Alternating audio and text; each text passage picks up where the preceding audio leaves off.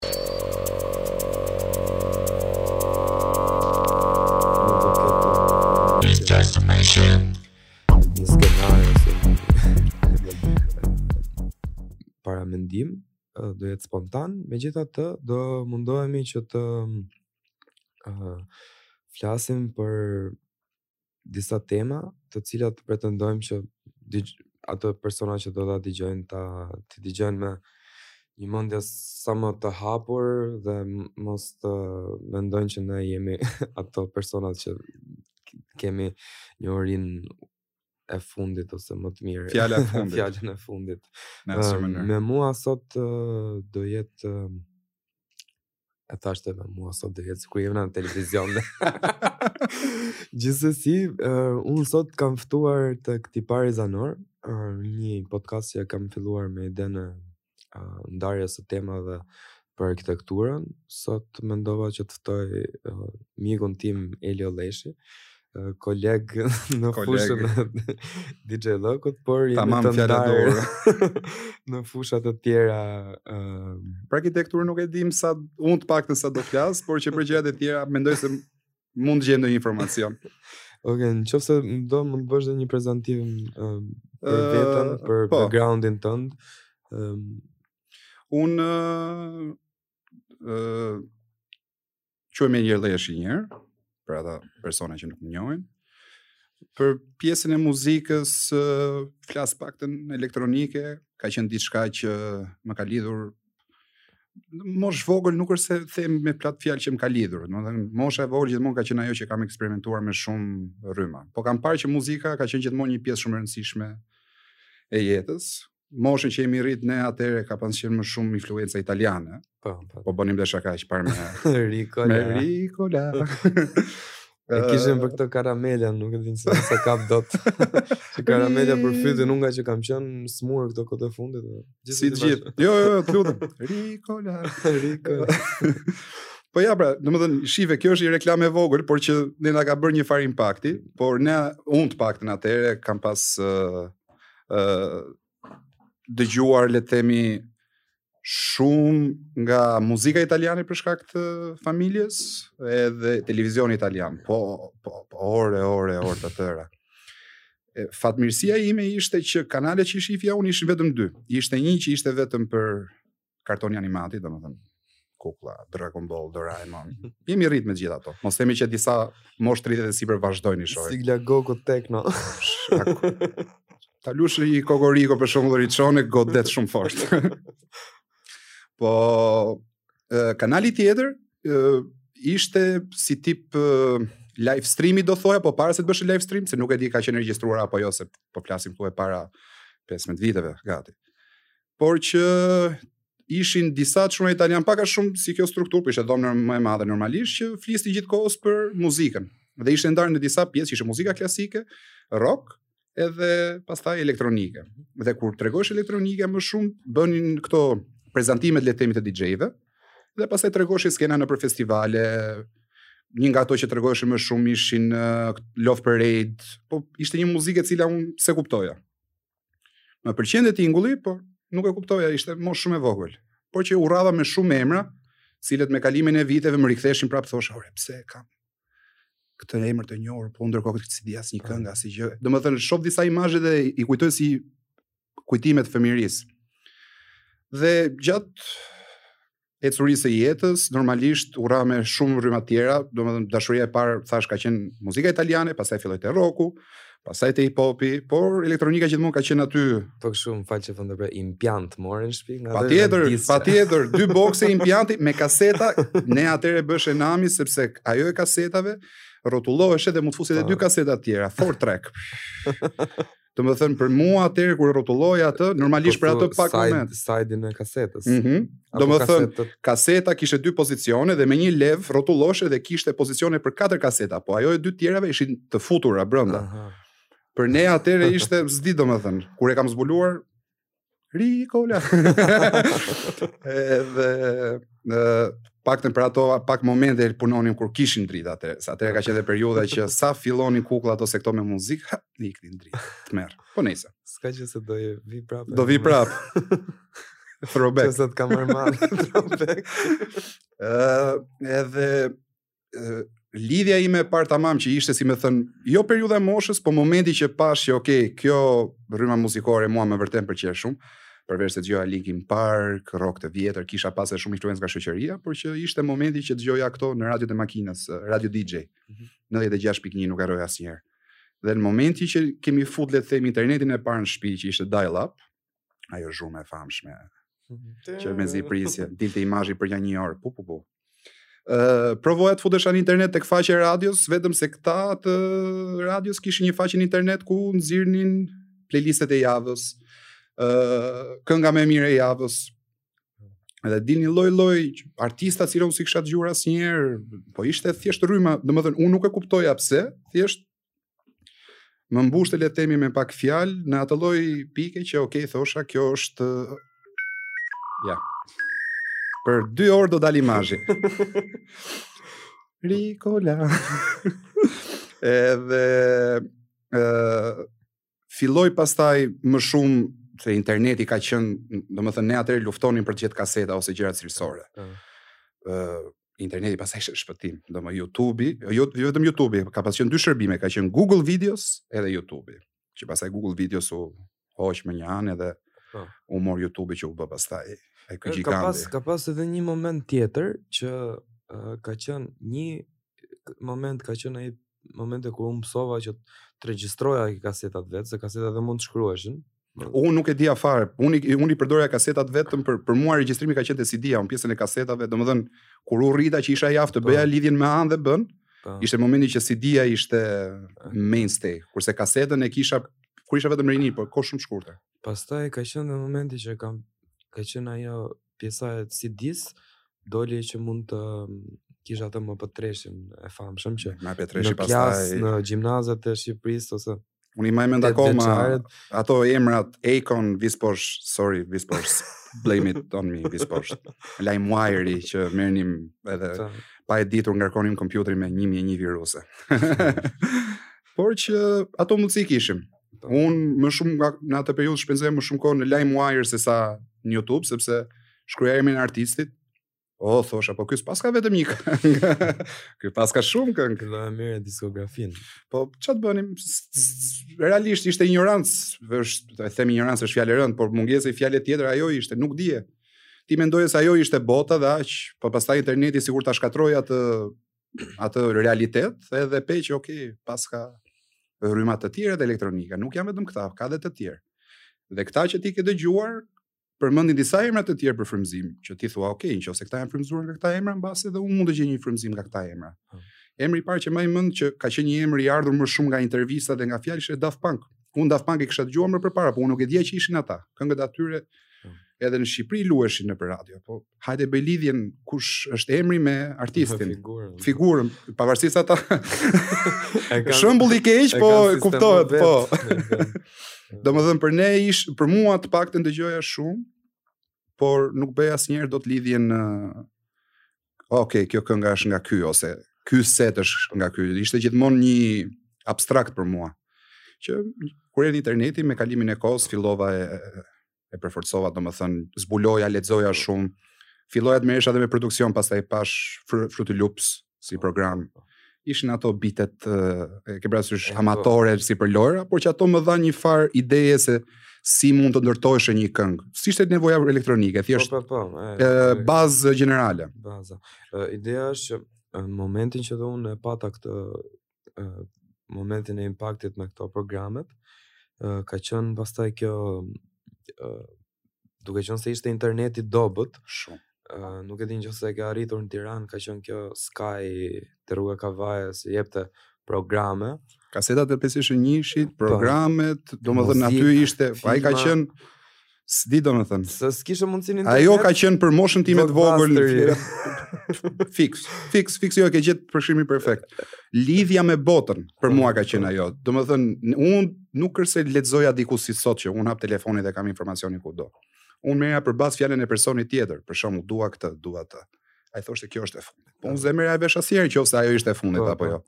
Por që është ajo pra që thash injoranca, po që ajo më pëlqente shumë si periudhë vetëm për shkak se ndonjëherë gjatë kërkimit zbuloje diçka komplet tjetër që ti në fillim s'e kishe fare atë qëllim, më kupton? Shumë gjëra janë zbuluar. Interneti ka qenë shumë kafshë e frikshme në ato kohë. Për të mirë e për keq. Gjëja më e dhimbshme në ato kohë te Sky që e kujtoj kështu si traumë, ka qenë rruga nga videoteka Sky në shtëpi dhe ishte kështu duke iu lut Zotit ishalla punon apo jo. Kur ta instaloj ishalla më mban kompjuteri. Ore, unë kisha hallin e dritave më shumë. Ne biles morëm dhe gjenerator për atë punë, prindërit normalisht më thoshin në mënyrë kategorike s'ke për ta përdorur. Patjetër që jo, i thosha unë, edhe ndërkohë me shishën e benzinës në dorë, dhe me kitarë. Jo, jo, nuk është ashtu siç mendon. Ka qenë interesant dhe kjo pjesa. Dhe një gjë tjetër që pati impakt edhe ke mu, se meqë po tregon ti po, dhe unë po, s'po të po, në po. pres, po. po. me idenë që edhe për mua ka qenë e njëjta gjë. Për shumë do thoja të moshës tonë, shumë. Impakti i parë ka qënë se, duke qënë se ne nuk kemi pasur asnjë uh, formim elektronik, po themi ne, çdo gjë që mësonim, e mësonim më shumë trial and error. Domethënë, bëj gjë, mm -hmm. funksionoi, o oh, çka kjo. Ë, uh, gjithë këto fisha të kuqe të zezë të xhekun e famshëm RCA që un Unë të parët pa zbulova në DVD atë. Wow, thosha, ça është kjo? Tre ngjyra, e shumë e thjeshtë për të futur, se ishin dhe ato vrimat me ngjyra specifike. Hera e parë që lidha kompjuterin me atë, unë zbulova që po të merrja këtë programin virtual DJ, aty pastaj mund të filloja që o prit se muzikën dhe mund ta luaja, domethënë ë të bëhesh DJ duke e zbulu vetë, domethënë, jo duke e pa si, si model. Po pse alarmet e virtual DJ, unë sot e kësaj dite i adhuroj. ka pas raste që kam thënë, sot e kësaj dite që, Dua ta marrë si program për asnjë gjë tjetër përveçse ta alarmi. Ai, po ne e përdornim, domethënë për ne ideja e miksimit ishte kalo një këngë te tjetra pa beatmatch pa key pa asgjë, mund të shkoje edhe nga rroku në një rrymë tjetër, po. edhe mu në mes alarmin. S'është se s'ndodh sot. Ka plot lokale që ndodh. Mos them që sa është hap para dy javësh. Dëgjo, dëgjo. Do i hyjmë dhe asaj teme më vonë, po më lër ta mbaroj njëherë dhe këtë, se kemi shumë. Po, po. Uh, uh, vallaj, e vërtetë ajo. Uh, çfarë do thoja pastaj është që, long story short, domethënë, kur uh, mbusha, domethënë, vazhdonte rrugëtimi me muzikën, thashë dhe njëherë, rock, hip-hop, elektronik, lëviznin gjithmonë me rëndësi nga njëra te tjetra, varej nga periudha nga artisti hip hopin për shembull dashurova hip hopin e vjetër e, e kisha pas kaseta që m'i sillnin nga Italia se Italia ka qenë gjithmonë lidhja edhe në fillim s'i kuptoja si muzikë më pëlqente ai domethënë e forta është që edhe te roku edhe te hip hopi pavarësisht se fjalët që nuk i kuptoja ose nga gjuha ose nga shpejtësia se kishte pas raste në hip hop që ok nice më pëlqente shumë melodia Dhe arsyeja kryesore pse u tërhoqa në mënyrë përfundimtare te elektronikja ishte kjo pra që lëri fjalët, vetë ato veglat ose ato gjërat bëjnë atë emocion që m'më jep mua le të themi. Është ajo mishi kokrra qimet përpjetë, si i thonë, thonë. Ajo vetëm muzika elektronike ishte e aftë që të ma dhuronte atë, edhe nga mosha 14-15 vjeç isha që thosha, ok, këto i dëgjoj, e kam backgroundin, por që kjo është ajo që dua të fokusohem. E shoh që aty po mbushem me vërtet. Kur u bëra pastaj rreth 16 vjeç, më ishte viti im i parë të mesmes këtu në Tiranë, vendosa që të largohesha nga vendi. Dhe mundësia që m'u dha ishte në Angli. 16 vjeç, e ke parasysh gjithë shoqërinë këtu, jetën këtu, çfarë do bëj unë aty? Me shumë stres. Por që e mendova edhe si sfidë.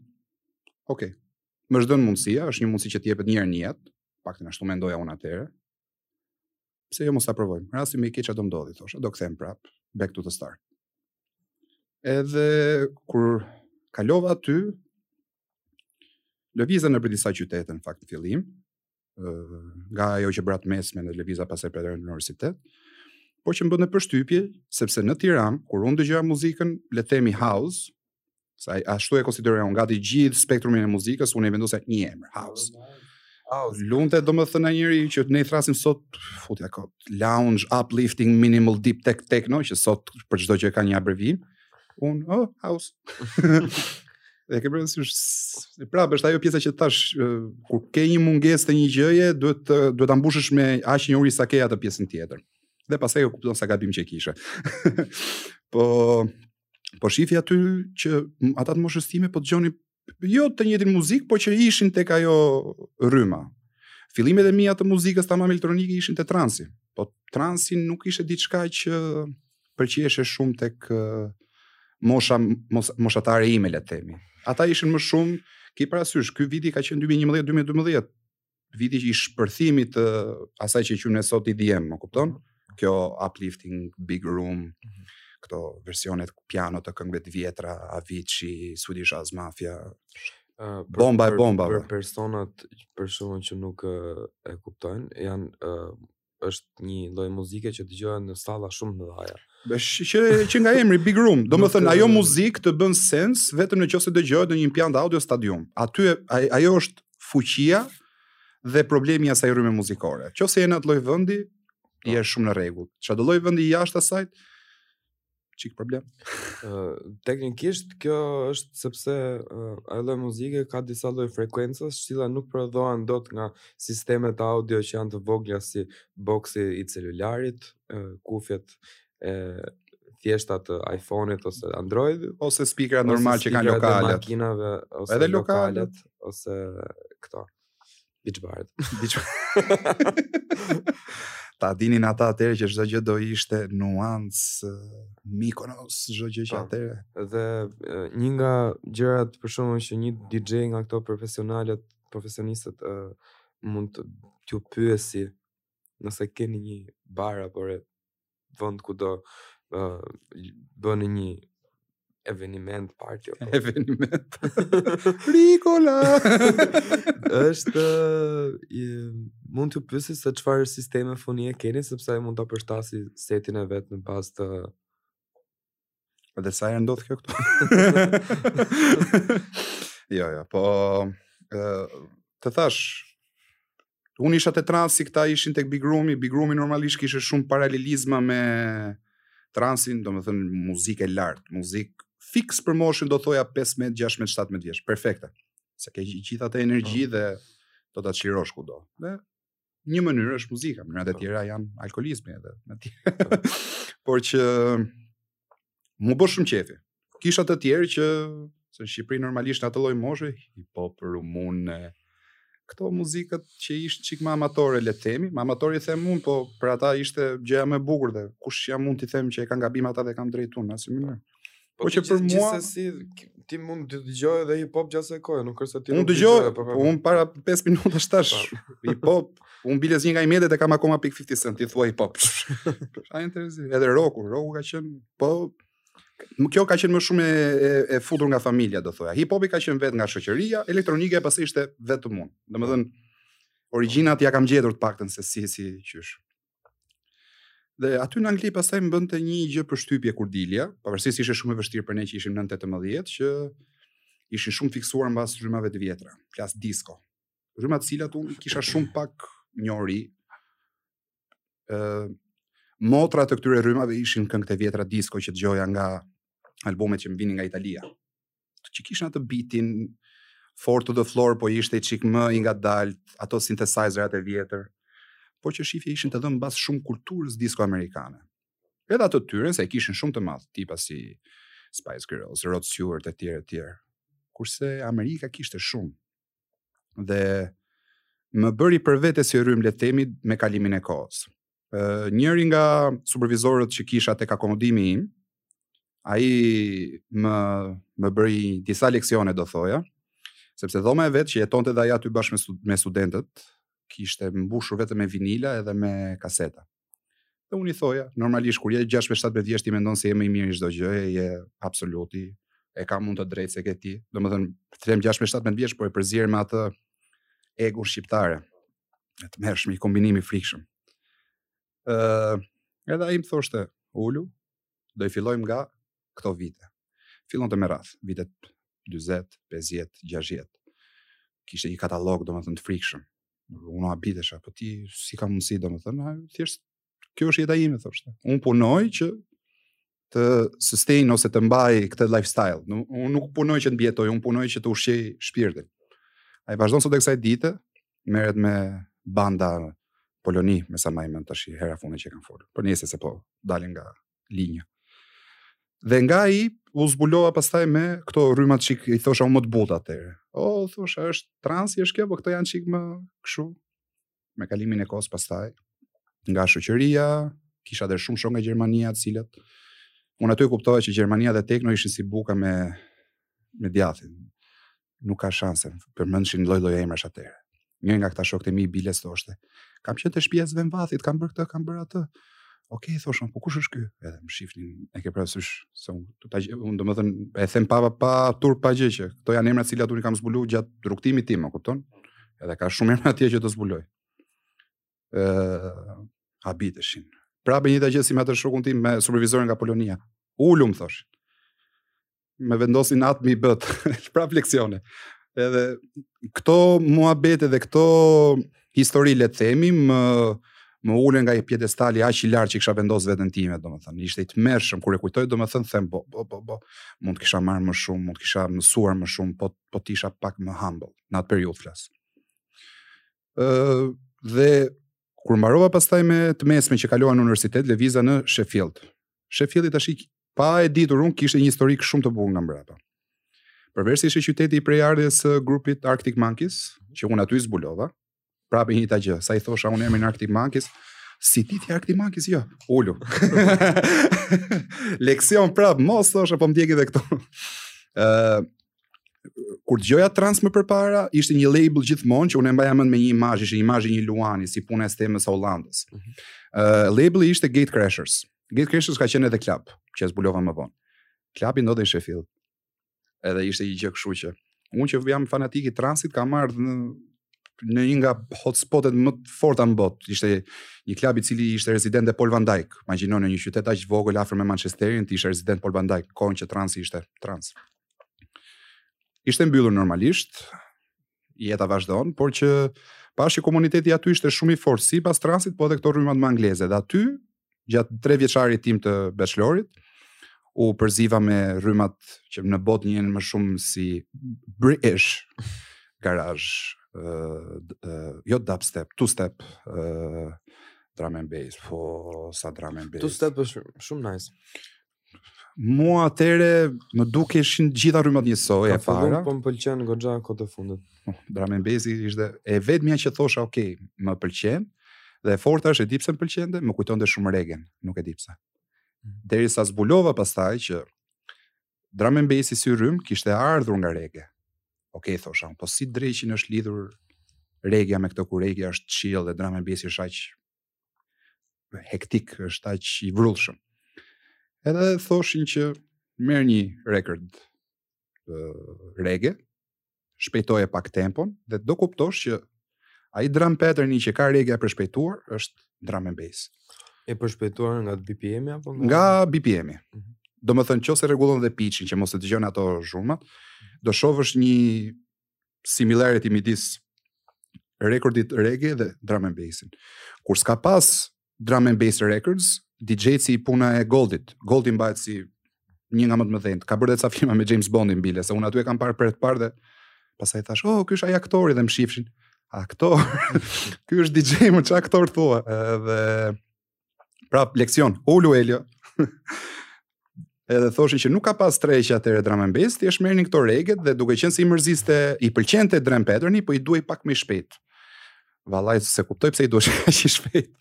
Mbase se merrnin shumë drog. Edhe pak a shumë u kriju ajo lëvizja e re. Ishte shumë, ishte unë unë e kam quajt gjithmonë si panku i shekullit. Okay.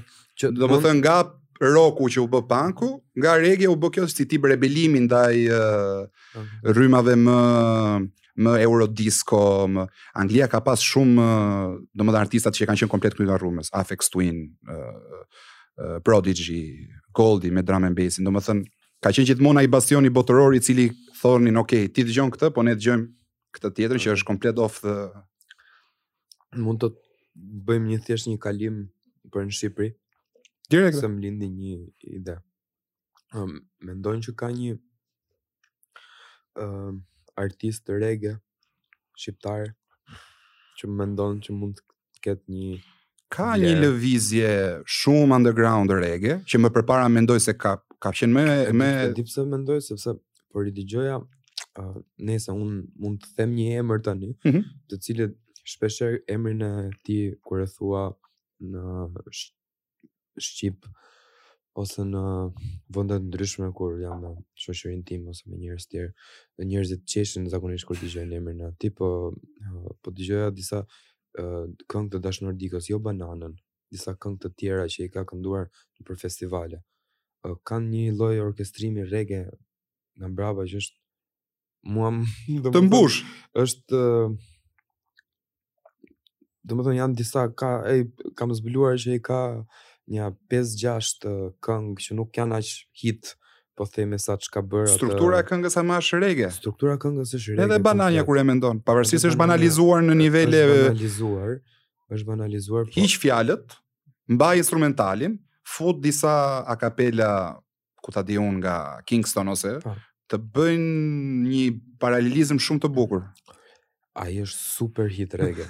është super hit rege. Domethënë, nuk po qesh se se po po ashtu po e, e besoj këtë që thua. Nëse mendon që ka diçka më keqe, domethënë ë pjesa komerciale ai e ka komercializuar në atë kohën kur ka qenë. Mm -hmm. Po ka bërë disa gjëra të tjera që po mendoja një ditë nëse atë trak do ta vendosje uh, në një format tjetër të kuruar pak më ndryshe, po e njëjta melodi që do ta vendosje në një skenë shumë të madhe, me shumë siç kishte Stormzy për, për para për Sunny Hill për po. Sunny Hill do të I'm serious. Eh? E, e, jo, e di pse po qesh, nuk po qesh me gjëra që po thua, po bëre ti përshkrimin e Stormzy Sunny Hill e po mendoja Dashnor Diko në Sunny Hill me të njëjtat këngë.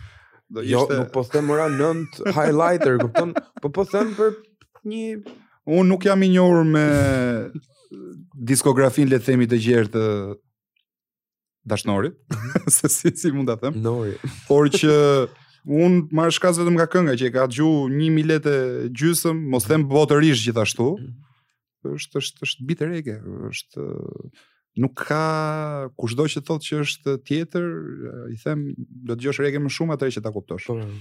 Në Shqipëri ka disa dhe persona që njihen që Regen kanë si rrymën e tyre, por ama kur luajnë, mm -hmm. luajnë afro. Mm -hmm. Që është si kjo hyr, që është bërë tashi si zhanra entry level për çdokush që do me u bë artist, sidomos në zonën e Shqipërisë ose Mesdheut, le të themi, se edhe në Greqi është shumë e përhapur. Ë, ë, po që s'e luajnë dot sepse lëvizja ka pas qenë më e madhe, do të ka edhe Manu Chao në Shqipëri që të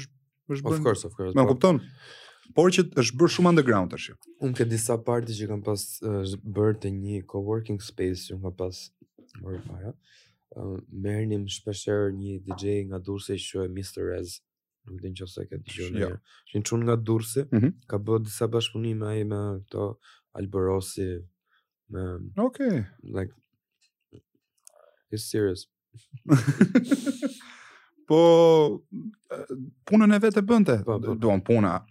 Unë gjithmonë e kam thënë që momentin që personi ka tuneli disa herë duket, nëse ke pa ver. Ë, uh, në qoftë se personi luan atë rrymë që me vërtet e mbush, mm. domethënë uh, ai mund të dhurojë spektakël sado nivel uh, profesional mund të ketë arritur gjatë mm. karrierës të, të, të vet të gjatë ose të shkurtër. Po të jetë në atë elementin e vet, edhe po të ketë atë crowdin e saktë, mund të bëhet festa më e bukur në planet, është gjithmonë është si shprehje kjo. Po, po. Ai DJ i duhur me crowdin e duhur mund të krijojë festën më të bukur, edhe sa herë që më pyesin njerëzit për ide si për rryma, si për muzikën, si për gjëra teknike, s'e di pse kanë kaq shumë besim te mua për këtë lloj gjëje, por që i them gjithmonë që, ok, je i detyruar për X vend ose X gjë për të luajtur një farë rryme, por që mbushe veten tënde ose rretho atë pak kohën tënde private që ke me muzikën që me vërtet e ke qef, në mënyrë të tillë që të krijosh atë zhurmën tënde, atë gjën tënde. Patjetër që do të bazohesh nga e shkuara. Po s'u bazove nga e shkuara nuk mund të ecësh dot para, por që duke bërë këtë lloj gjëje dhe mos domethënë të jesh action se sa reaction. Shef një DJ që luan po ja foskop techno, që sot uh, më kupton. Okej, okay, do luaj dhe unë kështu. ai mbase s'e ka qef fare si rrym, po i pëlqen ajo attention i egoja, x, y. Unë gjithmonë i kam thënë njerëzve që kam folur për këtë punë që dëgjoni gjithë rrymat. Domethënë momenti që ju s'keni dëgjuar rryma të tjera përveç elektronikes, s'bën s'bën sens sepse elektronika bazat i ka tek uh, klasikja, tek disco, tek uh, rocku, çdo gjë, domethënë është strategjia e së ardhmes është gjithmonë e shkruar në librat e së shkuarës, gjithmonë. Kur flas libra është ajo libraria e madhe muzikore që tashi nëpërmjet internetit, hajde ne në kohën kur ishim të vegjël ose duke u rritur që e kishim, po ishte akoma ai fëmija i vogël. Tashi interneti është bërë një përbindësh. Ti futesh në internet dhe për 10 sekonda ti mund të nxjerrësh gigabajt të tërë informacione. Ne atëherë gigabajt na duheshin 2 ditë për të parë një film, ti sot i nxjerr për 5, për 10 sekonda. Ndoshta ka pas të mira edhe të këqija të veta kjo pjesa, sepse ndoshta tashi është e vështirë shumë të fokusohesh, kurse ne atëherë 5 këngë kishim dhe ato mundoheshim... I zbërthenim. T'i zbërthenim. Kjo është shumë e vërtet. T'i dëgjonim në mënyrë aktive, si me thënë. Kur ke tashi kaq shumë akses e nënvlerëson këtë akses. Thua hajt se e di, edhe e the, ke shumë të drejtë, të humb fokusin. Po, ndoshta ka dhe të mira të veta se ndoshta e mira është që ti në moment ti zbulon gjëra të ndryshme dhe dëgjon sa më shumë edhe un për shembull me nëpërmjet aplikacioneve nëpërmjet internetit pavarësisht se disa nga disa njerëz Unë sinqerisht nuk e di nëse është mirë apo më keq ashtu thjesht di që është ndryshe edhe duhet të ketë impaktin e vet. Un mendoj se si çdo gjë ka të mirat dhe të këqijat.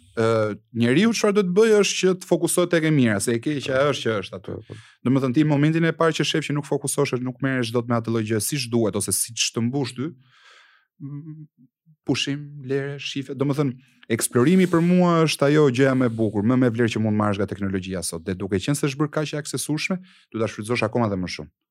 Unë vazhdoj sot e kësaj dite, po rizbuloj këngë nga albumi që kam dëgjuar kur isha domethënë i vogël po. ose se kjo është një gjë që doja të diskutoja me ty, kam uh, ka pas shumë raste për shembull që dëgjoj një X DJ uh, për shembull, një shembull shumë konkret.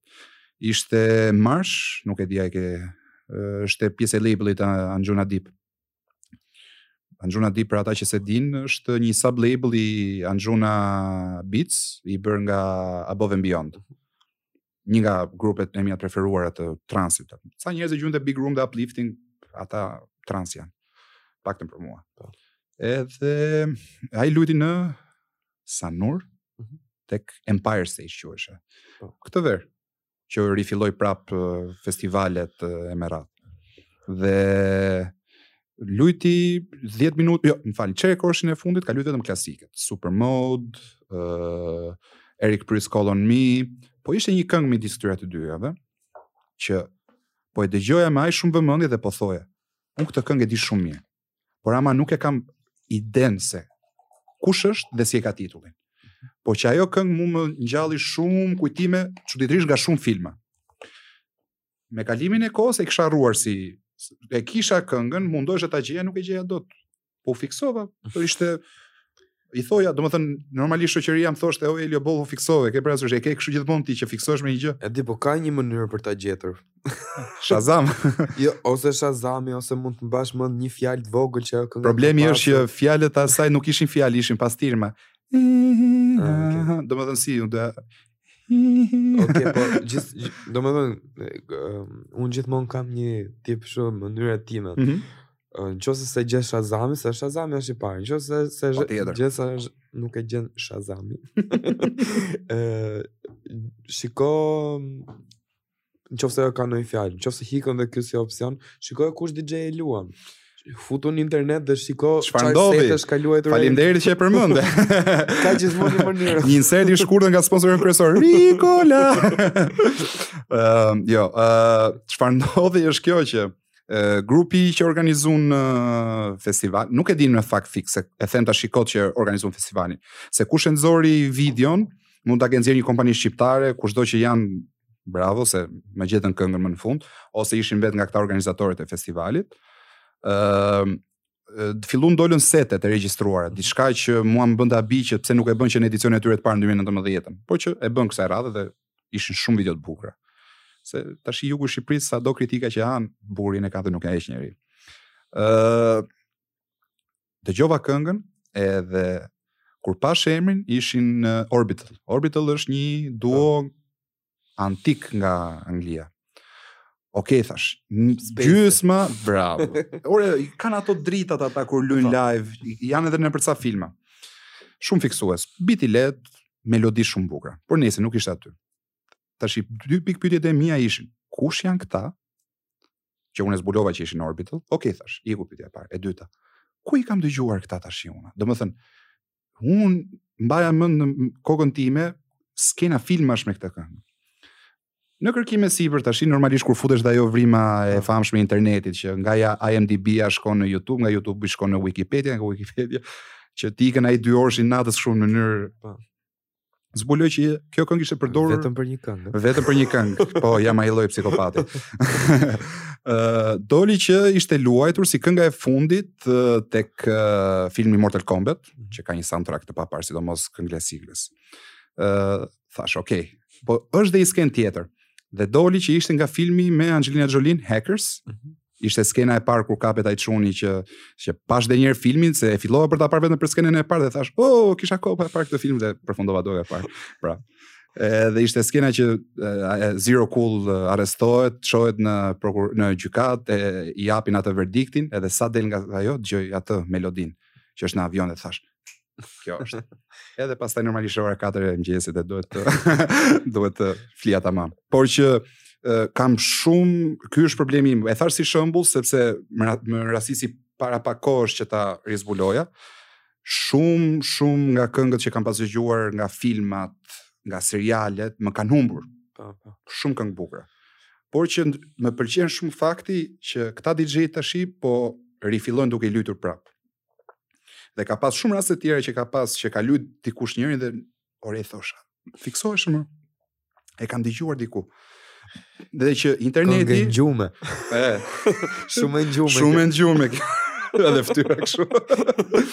po që interneti dhe ka bërë, domethënë, ku do e mendoja unë ndonjëherë që Nëpërmjet internetit, ë uh, do gjeja këngën e luajtur nga një film që e kam parë 6 vjeç, ndërkohë ma ka luajtur tjetri kur un isha 27, më kupton? Po, po. Domethënë, kjo që sapo shpjegova është prova se si mund të përdoret për mirë interneti. Domethënë ke kaq shumë akses po. sa ti gjete setin e njërit që luajti në një set në Shqipëri, e po. lidhe me një film. Po, po ndryshe s'do e kishe gjetë dot. Kupton, asnjëherë. Sado persistent të ishe, ka një limit. Ore do do do do shpenzoje kohë e kohë e kohë e kohë kot. Ë uh, fatkeqësisht kur kam qenë i ri nuk kam qenë koleksionues i vinilave për shembull, që të them për shembull, ok, kam pas koleksion dhe i di për shembull që në qoftë se nuk e di emrin e trakut ose artistin, di të paktën labelin se në qoftë se të kujtohet po, po, po. më unë më vonë e kam marrë vesh labela zakonisht i kishin vinilat njësoj, ndryshonin vetëm emrin e artistit, A side, B side kishin ato tyre. Shumë rrallë ndodhte që të artisti të vendoste një logo të veten. por që ajo të ndihmonte shumë. Edhe ë uh, unë të paktën mendoj që kjo ishte për mirë, domethënë, më për ë uh, kjo kënga kishte dalë në 98-ën, a 99-ën, edhe luajti një DJ në 2022-shin dhe njerëzit u çmendën.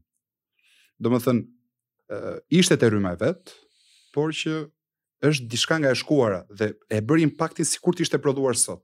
Unë vdes të luaj këngë të vjetra, normalisht sot e kësaj dite po teprohet pak, jo për këngët e vjetra, po për këngët e famshme të vjetra. Kjo ka qenë diçka që ka shkruajtur dhe ish-drejtori tash i Defected Simon Dunmore që thoshte të gjithë vdesin për klasike, por is it too much now? Uh, shembulli i një patjetër. Gimme, gimme, gimme a man after midnight. Um, kudo, kudo. Ok, e kuptuam. Jepi një burrë asaj pas mesnate. duhet eksplorimi uh, i së shkuarës mendoj është ajo kyçi mendoj unë i evoluimit. Si për festa, si për DJ, por edhe në jetë normale. Uh, kam pa vetë vetëm një gjë që më ka bërë përshtypje kohët e fundit nëpër disa klabe të ndryshme që Ndoshta është një pattern, ndoshta kam pa unë ose më mhm. thuaj edhe ti në qoftë se kam gabim. Më thuaj për pattern. Është një pattern që mbas disa këngësh uh, elektronike pa fjalë, ti duhet të vësh një këngë me fjalë që të njerëzit t'i t'i marrësh pak vëmendjen dhe pastaj t'i rifusësh prap tek ato këngët pa fjalë gjëra që janë remake të gjërave më të vjetra ëh mm -hmm. um, më saktë ishte ky Rossi uh, që vuri këtë Con il nastro rosa po që tha wow.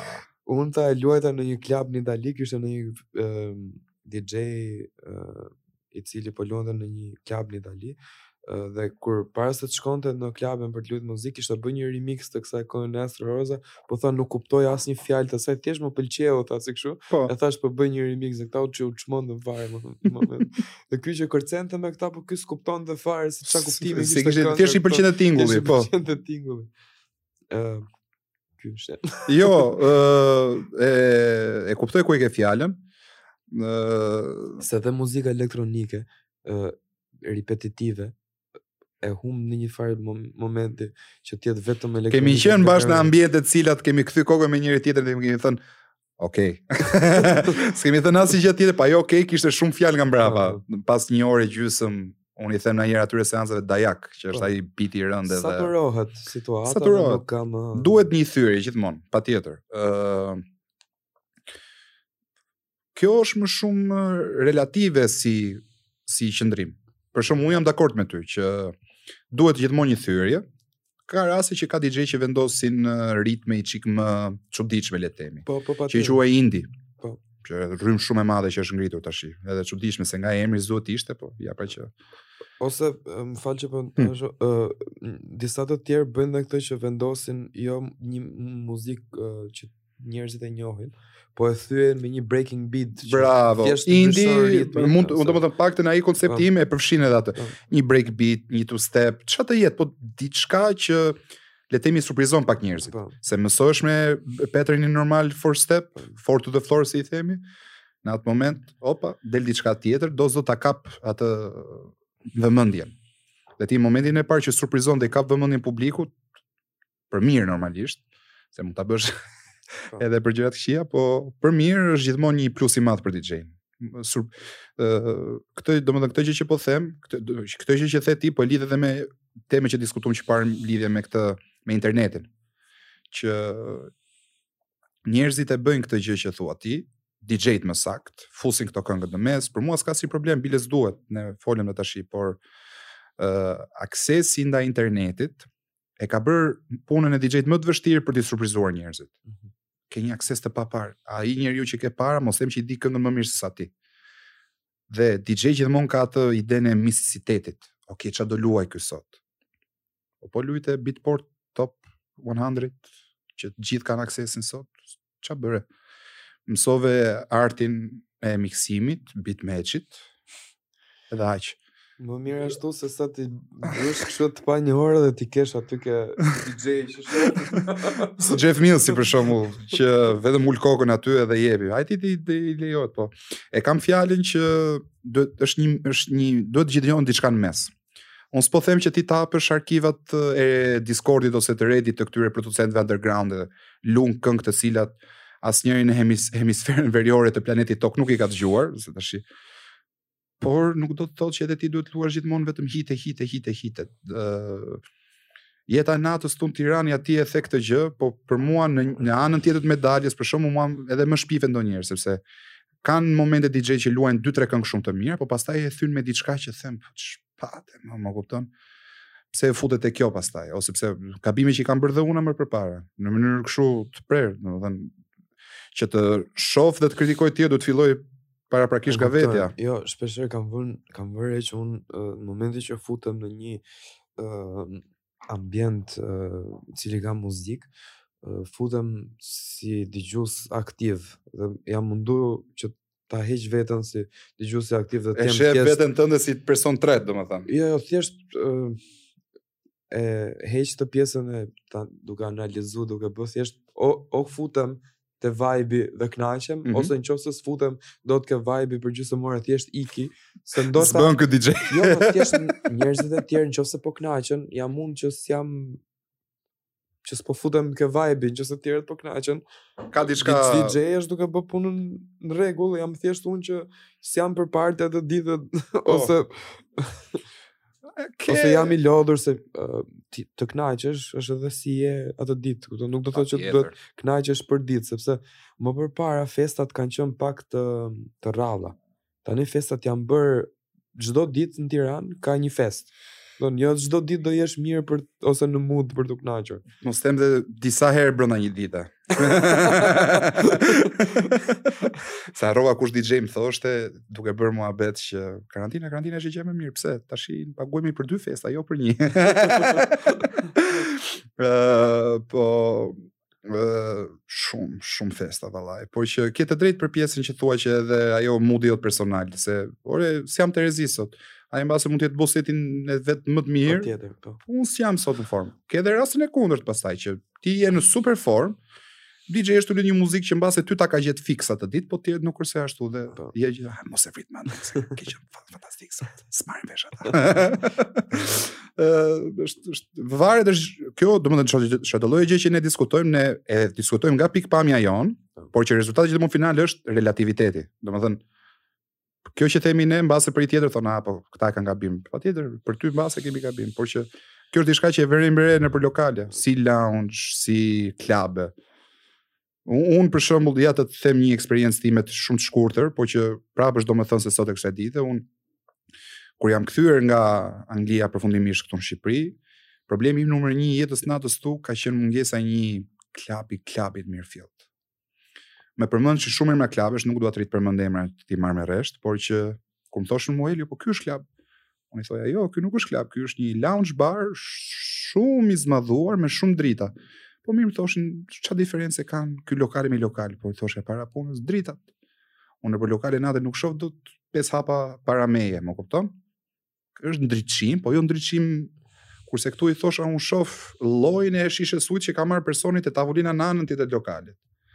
Është pjesë kulture më shumë kjo, që duan të shofin, duan të duken, unë që kam marrë filan gjë, dua ta shofin të gjithë që unë e kam marrë, sepse me këto lek do bëj namin, do të do çliroj Shqipërinë, pak rëndësi ka egoja që kanë njerëzit.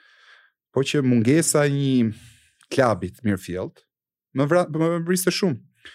Ishte akoma në lëvizje disco boxi për shembull si lokal, pavarësisht se atëhere s'ka pas treg aq të madh sa ç'ka pas tash sot e kësaj dite. Po që ai ishte vetëm më shumë si dhom afteri, jo si klab i mirëfillt.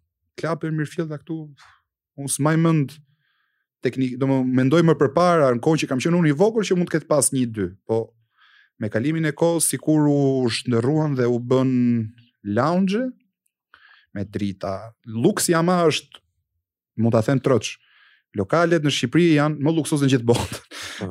Këtu lokali lagjes është, nuk e di domethënë, wow. Kur u ktheva ishte gjëja e parë që më bëri përshtypje. Ndoshta, ndoshta nga momenti që kanë zbuluar... Rikola! nga momenti që kanë zbuluar... Uh pjesën që mund të bëjnë festa dhe open air. Ok, ato janë gjëra të tjera, po flas për klab, nuk po flas për jetë nate. Për jetë nate pastaj është gjë tjetër. Jeta e natës në Shqipëri ka qenë shumë e çuditshme. Nuk po them e keqe e mirë, po e çuditshme. Por klabi ka qenë gjithmonë që pjesa e klabit është diçka që vazhdon sot e kësaj dite ka një mungesë shumë të madhe. Tmerrësisht të madhe. Kushdo ka mendimet e veta, opinionet e veta, unë e them me vetëbesimin më të madh, kemi akoma një mungesë të një klabi, klabi të mirëfillt në Shqipëri. Mungesë shumë e madhe. Nuk kam lëvizur shumë nëpër Ballkan që të thoja për shembull, a po edhe kjo s'paska. Mali Zi dhe Greqia mund të kenë qenë të vetmet, po ato e kanë pas diçka. një gjë të mirëfilltë. Pastaj çfarë janë lokale të tjera që mund të quhen për after, që janë lokale më të vogla, ato janë një pjesë tjetër e jetës natës. Domethënë gjithmonë jetën natës e kanë ndarë në kategori. Ke një vend për pri, një vend për main edhe një vend për after.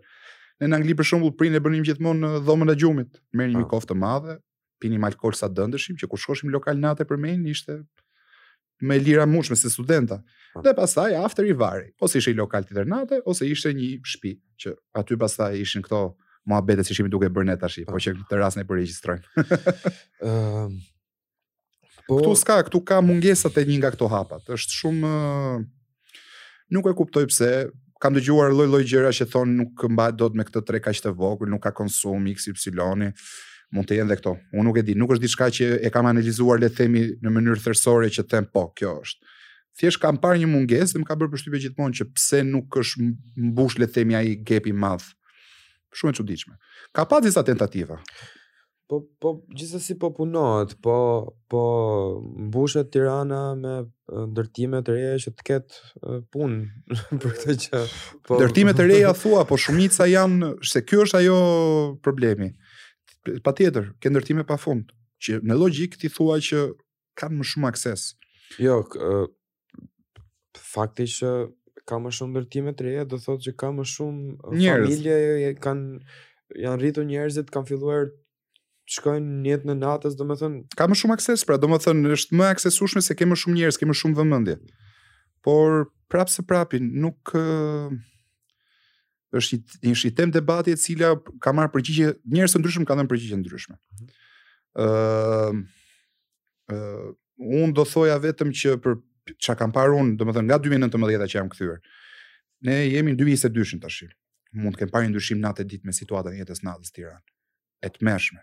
Dhe nuk e shoh nga eventet, as nga netët, as nga mëngjeset e brançet e pak rëndësi ka.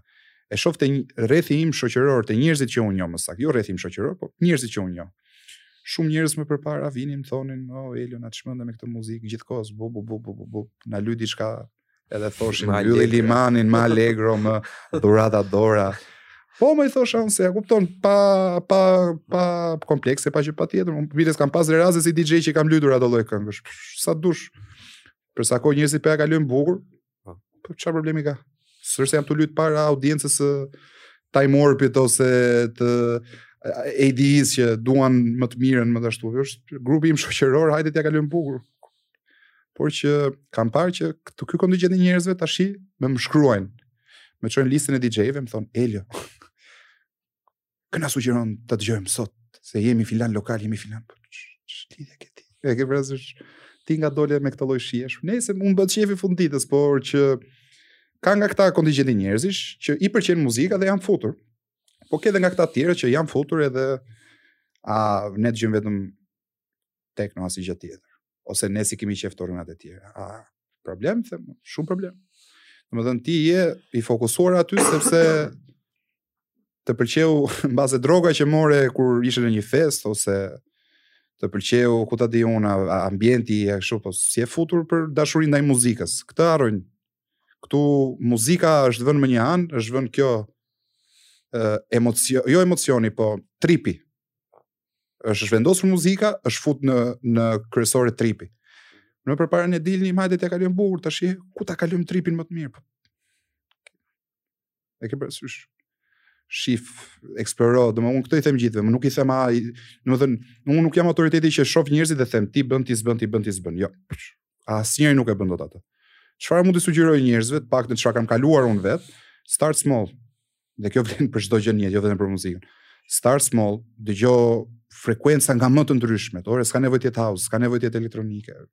Se po e them kaq shpesh këtë pjesën që hap horizontin, hape horizontin, po e po e bëj si gjë që kushdo nga ata pak dëgjues që na dëgjojnë ose nga ata shumë dëgjues, falë Rikos, që na dëgjojnë ta kenë të paktën fiksuar që muzika është një spektrum i pafundëm dhe po u fokusove te një gjëra edhe ajo opportunity cost për tjerat është tepër gjigant. Nuk i dihet asnjëherë ti mbase the për shembull për two-stepin. Ti mbase nga two-stepi më vonë gjen një rrymë tjetër dhe ti kur mbush një moshë caktuar ore, kjo mbase është rryma që unë dua të luaj. E ke parasysh? Ke shumë, shumë, shumë DJ trans për shembull sot e kësaj dite që janë futur tek uh, rrymat e house-it, rrymat deep. S'më pëlqen më ajo thot. E kalova atë si fazë thot. Tash jam këtu. Më pëlqen shumë kjo lloj si gjë, evolim, evolimi i soundit. Pa u evoluar, po ndejte në vend dhe kjo vlen shumë për artist, edhe në Shqipëri më e theksuar për festat, që është një gjë tjetër që ne do të diskutojmë. Pa një evolim, pa një vizion, pa një kërkesë nga vetja një paraprake, që okej, okay, si ta, domethënë, mos shif uh, uh, pjesën e të ardhurave, ose njerëzit dhe a u kënaqën apo jo, zero. Unë bëra këtë gjë, te tjetra çfarë mund të përmirësoj. Ok, u bë. Me problemet e veta, nuk ka gjë perfekte, nuk ka problem. X problem, tek tjetra do shofim mundësitë e zgjedhjes. Ama nuk harrohet fakti që ne e bëmë një gjë dhe te tjetra duhet të bëjmë diçka më. Domethënë duhet gjithmonë provuar. Mund të jetë nga line-upi muzikor, mund të jetë nga tematika e festës, mund të jetë nga madhësia, Mund të jetë nga numri i stejxheve, pavarësisht se te numri i stejxheve do jetë vështirë se do vijë moment që do kapësh një kapacitet edhe po që kemi mënyra nga A-ja te Zh-ja se si ti mund të evoluosh dhe të rritet natyralisht, më kupton? Po. Shumë këtu në Shqipëri kam parë që shumica e njerëzve o që janë organizatorë kështu duan atë hitin të parën, pam pam. Hajde. Ose shofin diçka që për sipas atyre doli e suksesshme, hajde bëjmë ne të njëjtin gjë. Këto janë reaction. E kuptoj. Uh, një gjë tjetër që m'u kujtua. Ëm ehm, um, po bisedoja një ditë me një mikun tim edhe um, është më më tepër Riko, Ricola sa reklamë kemi bërë Ricola u bë Kjo është Ricola e rilindur.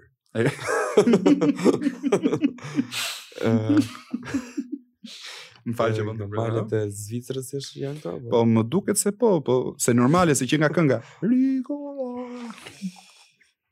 Nuk jemi sponsorizuar nga Ricola meqë bie fjala. I wish. Ai.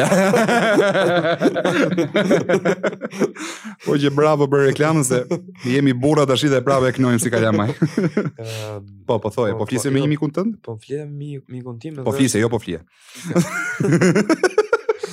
Ehm, ishte kjo ideja që kur janë këto line-upet me DJ të huaj, po. zakonisht, ehm, organizohen në një mënyrë që janë ë uh, çuditshëm warm-up-i me DJ lokal patjetër dhe mbarohet me një DJ të huaj ë uh, po sikur të fillohej me DJ-në e huaj dhe të bëhej mbyllja me DJ-në më mbrapa do Ke... kishte një përfitim ose do uh, shikoj pak ose në këtë mënyrë po diskutonim që mund të promovoj pak më shumë ai dixhej që vinte më mbrapa dhe jo të ishte dixhej lokal si një dixhej më e, për, e, e kuptoj shumë mirë në një shkallë më të vogël që i bën si më thënë një punë uh, përgatitore një stari po them ndërkohë që ku e dim ne që një person që luan Elio për shembull ose DJ të tjerë që janë shumë të mirë lokal ka filluar janë shumë profesionist, mund të ishin ata headlineri dhe të kishte një organizim ndryshe. Tashi ti përmende dy gjëra. Përmende, jo jo jo, e kuptoj shumë nga vjen, sepse është diçka që kam diskutuar dhe unë. Po ti përmende dy gjëra momentalisht. Përmende pjesën që the që ta mbyllin dhe përmende headlineri. Domethënë janë gjëra shumë të ndryshme kur bëhet fjalë për një organizim. Headlineri gjithmonë ka atë orarin le të themi më plot të një feste ose një lokali, që më zakonisht shkon nga ora 1 deri në orën 3 ose 4, më kupton? Që pastaj është mbyllja edhe warm-upi. Ë uh, tani shkojmë te pika e parë. që the për pjesën e mbylljes kur vijnë artista të huaj. Edhe mua ka bërë shumë përshtypje.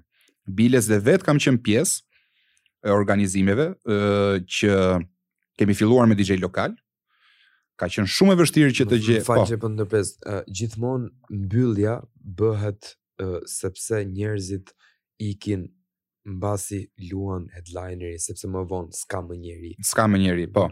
Uh, ideja që në një moment të caktuar njerëzit vijnë dhe mbushen kur është headlineri, mm -hmm. është sepse njerëzit atëherë dalin në bërë.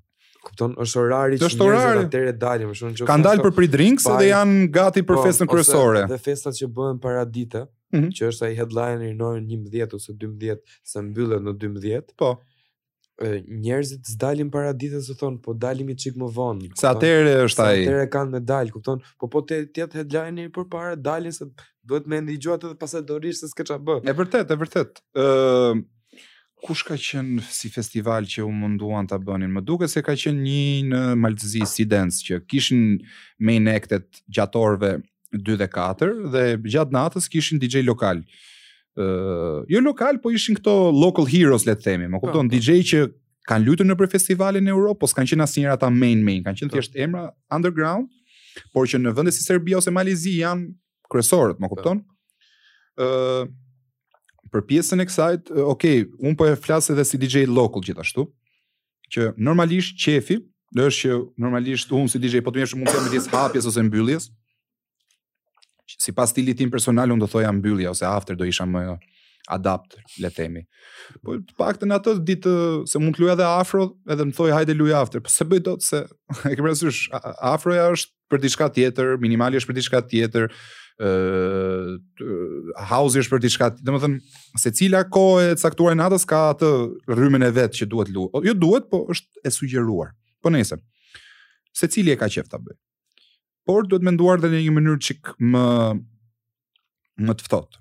Ë uh, DJ që vjen i huaj, zakonisht flas, jo gjithmonë se kemi dëgjuar plot raste që interneti i ka fryrë i ka bër, kanë bërë një ose dy këngë të suksesshme, vijnë edhe shumicën e rasteve për shembull uh, ka luajtur jo skandaloz, po ti s'je ky që ke reklamu veten, më kupton? Për XY arsye, nuk do të përmend emrat edhe një herë, por që ka pas raste që kam qenë vetë prezent, edhe normalisht me hearsay, më kupton? Që ka ardhur personi, ne kemi menduar që ishte shumë i mirë për shkak se ka bërë disa produksione shumë të larta, po vjen dhe uh, egoja through the roof. Uh, më, ka ka dhe një gjë, më fal që po. po. Uh, uh, dhe një DJ ë uh, momentet uh, në, 1 në 10 sete është dhe një që e ka dy Villalobos për shembull e ka 7 me 7 të këqija, 3 të mira. Ka të tjerë që e kanë 4 të mira, 6 të këqija. Ka perfekt, u, u, dy të mira, dhe më... Unë shumica e seteve kanë qenë, bu, bu. Por që ato që kam pas të mira, i kam parë që ishin të mira, sepse pashë një reagim pozitiv nga të gjithë. Domethënë, kur ke, kur ke lujtur një set mesatar, e kupton. Por kur ke lujtur një set shumë të mirë, aty me vërtet e kupton. domethënë, është, është energjia, nuk është fjala që të thonë njerëzit pas, se ka shumë njerëz që ti mund të kesh bërë një skandalozitet, po për x, y, arsye, ke qenë shumë mirë sot, ke qenë, ke qenë perfekt, bravo, bravo. Po ndërkohë, ti brenda vetes ishe, po, s'isha aty ku duhet. Edhe ke pas raste të tjera, por që, që mos dalim dhe nga linja shumë. ë uh, duhet të jepet më shumë besim tek DJ-t lokal për për orare një çik më të avancuara. Por po e lidh me Shqipërinë. ë uh, është duke qenë se është bërë kaq e aksesueshme tash. Mendoj se duhet një farë rritje ose ça rritje? Duhet të vendoset një standard. Në mënyrë të tillë që kur DJ-i lokal futet në një orar të caktuar që quhet sensitiv, ti nuk e ke merakun e DJ-t që a do jetë i aftë me X aparate ose USB-n e ka analizuar siç duhet ose këto gjërat që shumica e këtyre DJ-ve lokal sot i kanë problem sepse kanë filluar çdo gjë shumë shpejt, domethënë kanë bërë hapa galopant pa mësuar ABC-n, më kupton? Ky është shumë problem. Dhe momentalisht me gjendjen si është tregu shqiptar, unë nuk mendoj se ne jemi gati për DJ-t lokal që ta bëjnë atë lloj hapi. E, e, e kupton? Në parim jam shumë dakord, por për gjendjen aktuale që është Shqipëria, unë nuk mendoj se është gjëja e duhur për ta bërë atë lloj gjëje, pa vendosur një standarde të caktuar që mendoj se Kosova e ka me çik dhun e ka arritur. Okej. Okay. meqë jemi live live recording, se live nuk jemi. Uh, mund të bëjmë vetëm një pauzë, një, një minutë, nëse do të sponsorizuar nga ë uh, siç po diskutonim domethën mungesa këtij standardi të bën shumë vështirë për një organizues ose një promotor që të organizojë një event me DJ të huaj dhe lo locals edhe le të themi të vendosin main në main slot DJ-në e huaj, se do s'do të shi, a i sloti kryesori i duhet vendosë tek a i huaj, le të themi, se është bërë ky i huaj, kshu si i madh, shumë i madh, po. duhet vendosur sepse është i ftuar, më kupton, është i ftuar në vendin tonë, dhe duhet i jepet ajo. Por që, për mbyllje, Unë prapë them që mungesa e standardit ktu në Shqipëri e bën shumë vështirë që ti të dallosh një DJ local të mirë që është për atë punë le të themi që mund ta mbajë përsipër sepse po flasim për organizime serioze, nuk po flasim për festa lagje, më kupton? Ose festa në rrugë që hajde po mblidhemi të gjithë, po bëjmë një event tamam. E kuptoj, po ti je promotor i atij personi. Domethënë e ke ti rrezikun e dështimit, po dhe dë, re, rrezikun e fitimit. Se ti po fitove pastaj dhe ke shkruajt ti kontratë me atë që Shumë e vërtetë. he's kicking in, Shumë e vërtetë. pastaj e merr ti gjithë fitimin e Por- atij në herën tjetër që ai do ftohet. Por jemi një treg shumë i vogël. E kuptoj Duhet ta këtë. kuptosh këtë gjë.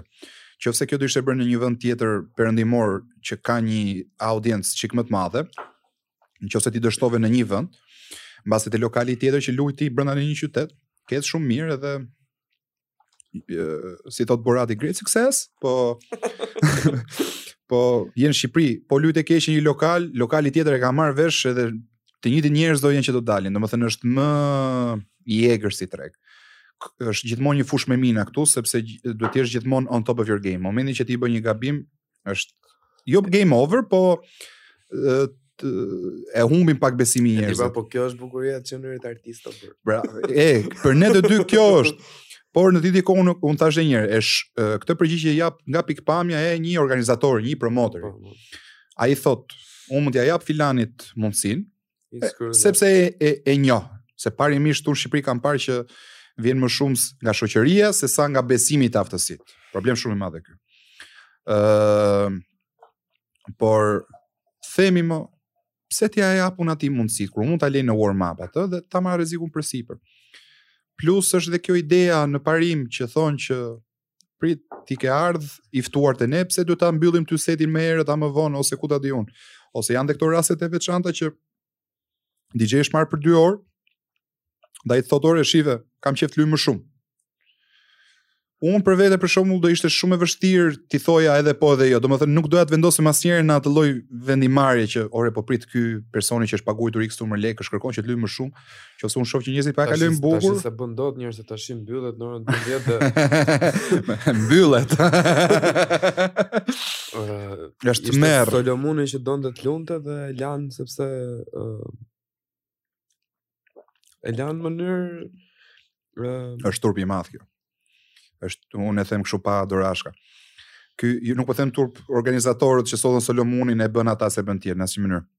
është turp nga shteti që një treg që po zhvillohet kaq shumë, edhe i marr si shembull aty Rumaninë dhe Kroacinë, qeveritë në ato vende kanë dhënë maksimumin që jeta e natës të zhvillohej, sepse e dinin që jeta e natës nëpër shtete të cilat kanë një përqendrim global, do sillnin investitorë, do sillnin biznesmena, do sillnin zhvillim.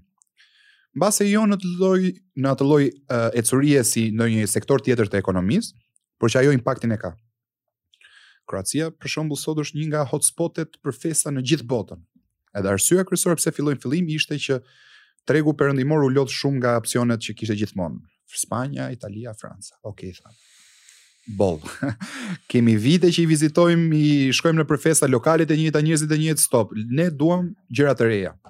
Dhe Kroacia ishte ndër të parët, unë mbaj mend që në 2011 që po flitej dhe unë s'e besoja për qamet, ndërkohë në 2013 ata u futën në Bashkimin Europian.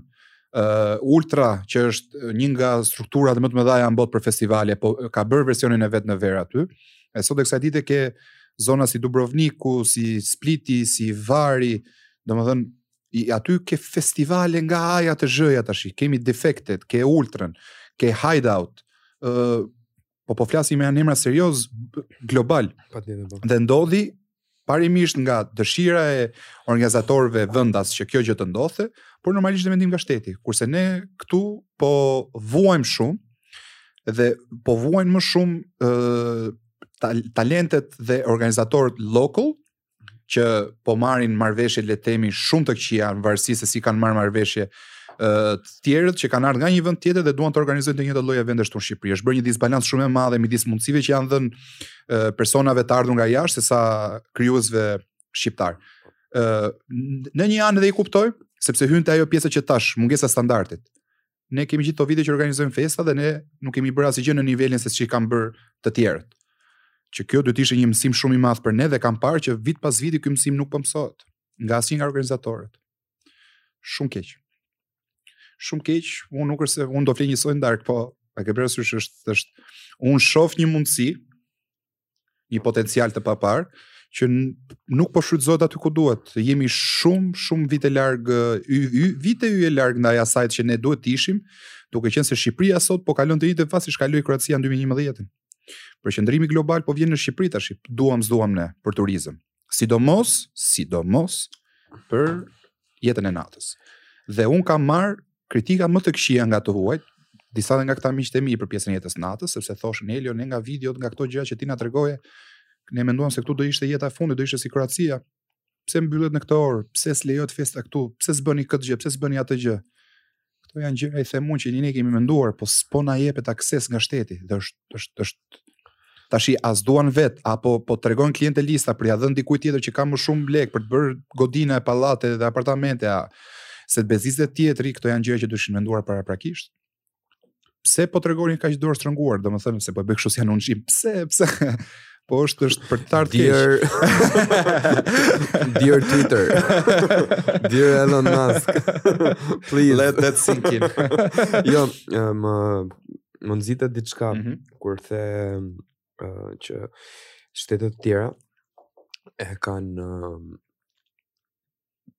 forcuar pjesën e jetës natës dhe mos flasim për Berlinin që ti qëparë bëre një paralelizëm të jetës natës dhe teknos me uh, bukën dhe djathin që janë është është pa njërën s'ke tjetrën nuk e di nëse e ke parë filmin The Billion Dollar Code po e kam parë. Uh, që flet për atë aplikacionin e Google Earth, Google Maps. Google Maps. Domethënë fakti po. që neve sot kemi mundësinë që unë ty qëparë të çova një location të erdhe dhe këtu ke mua.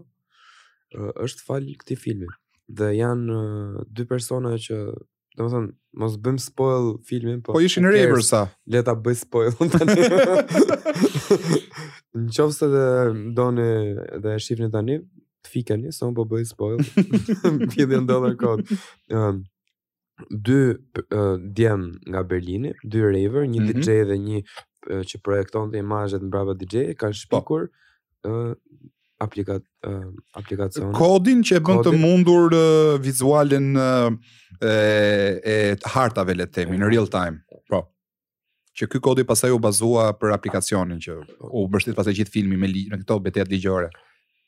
ë uh, aplikacioni i cili ë uh, kushedi sa të ardhura i ka sjell në nivel global, po jo vetë aplikacionit, ekonomisë sa e ka zhvilluar, sepse në Google Maps ti gjen uh, dyqane, gjen ku janë gjërat, kupton në qytete shumë të mëdha, uh, gjen uh, review, uh, si me thënë, nga të tjerët, uh, gjen shumë gjëra dhe kjo gjë e ka zhvilluar shumë biznesin që ka ardhur nga jeta e natës. Kjo gjë, ky zhvillim ka ardhur nga një uh, Gjë që ti jo, është shumë shumë sa të them shumë. Ja pra prova shteti shqiptar, e shifni? Edhe ne mund të kishim shpikur gjënë më të re, po s'po na lini, jo, jo. Ky është një shembull shumë i saktë. Unë do po, lidhja. Po, po, jo, unë e di si, unë e di si do do të jap një shembull që e kalova vetë. Uh, Uberin si aplikacion patjetër e ke parasysh. Sa uh, përdor një herë. me makina, taksitë, po. tashi është marrë me shumë gjëra të tjera, edhe food delivery, po nejse. Po po flasim për kompaninë kryesore. Gjatë 2017-s unë ndodhesha në Split, ishte hera ime e dytë në fakt për Ultra Music Festival.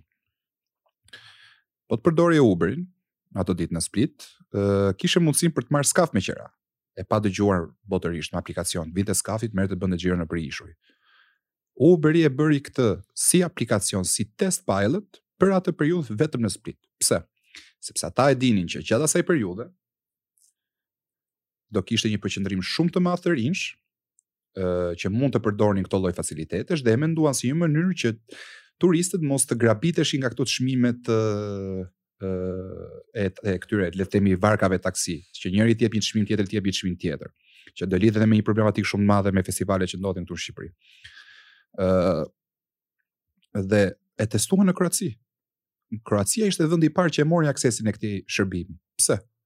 Se jeta e natës e solli pra. Ata të rinj që e përdorin këtë si shërbim, e mundësuan krijimin e këtij shërbimi. Domethënë, kjo ishte një efekt direkte mbi një kompani multibilionere, e cila bëri një a, e, shërbim vetëm për atë vend, vetëm për atë periudhë, për të testuar. Domethënë, panë diçka, ata, bënë një log, ata mund ta bënin në Miami, mund ta bënin kudo, po prit, thanë, në këtë periudhë, në këtë moment, ne mendojmë që Kroacia i mbush të gjitha pikat. Kroacia sado që është është domethënë distanca shumë e afërt.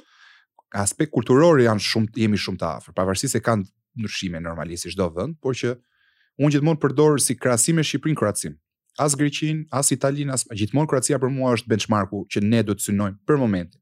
Ne kapacitetin e kemi për më shumë. Po për shkak të këtij standardi kaq të ulët, Kroacia është ajo që ne duhet të shohim si modele themi në thonjëza suksesi, se normalisht dhe aty ka pas probleme. Po kjo mungesa e standardizimit kudo për çdo lloj shërbimi këtu në Shqipëri e bën shumë pamundur. Rasti konkret që tashi do ta lidhje. Shumë të huaj kur shkoja në Anxhuna Dip, ka qenë viti 2019 që u bë edicioni i parë. Unë vajta vetëm se shoqëria kishte qejf këto lokalet normale. Okej, thashë, vazhdoni, kalofshi bukur. Dhe kur flisja me të huaj që i pyesja, se normalisht isha kurioz më shumë. Unë i thosha, nuk jam polic, që po i bëj kaq shumë pyetje, nuk merrem as me festivalin, nuk merrem me asgjë. thjesht jam kurioz vetë ta di, domethënë çfarë janë gjërat që ju pëlqejnë dhe çfarë është një gjë. Ja kërkoja, sepse s'mund të rrija të marrja llogari për gjithë, shumë gjëra. Por secilin që pyesja i thosha, më thoni një gjë që ju ka nuk ju ka pëlqyer këtu. Të gjithë pa përjashtim më thoshin për mungesën e standardeve për taksit ose për transportin publik në atë zonë. Pse thoshte për një distancë marrin lekë të ndryshme? Bëja këtë fytyrë. Ku ta di unë i thosha?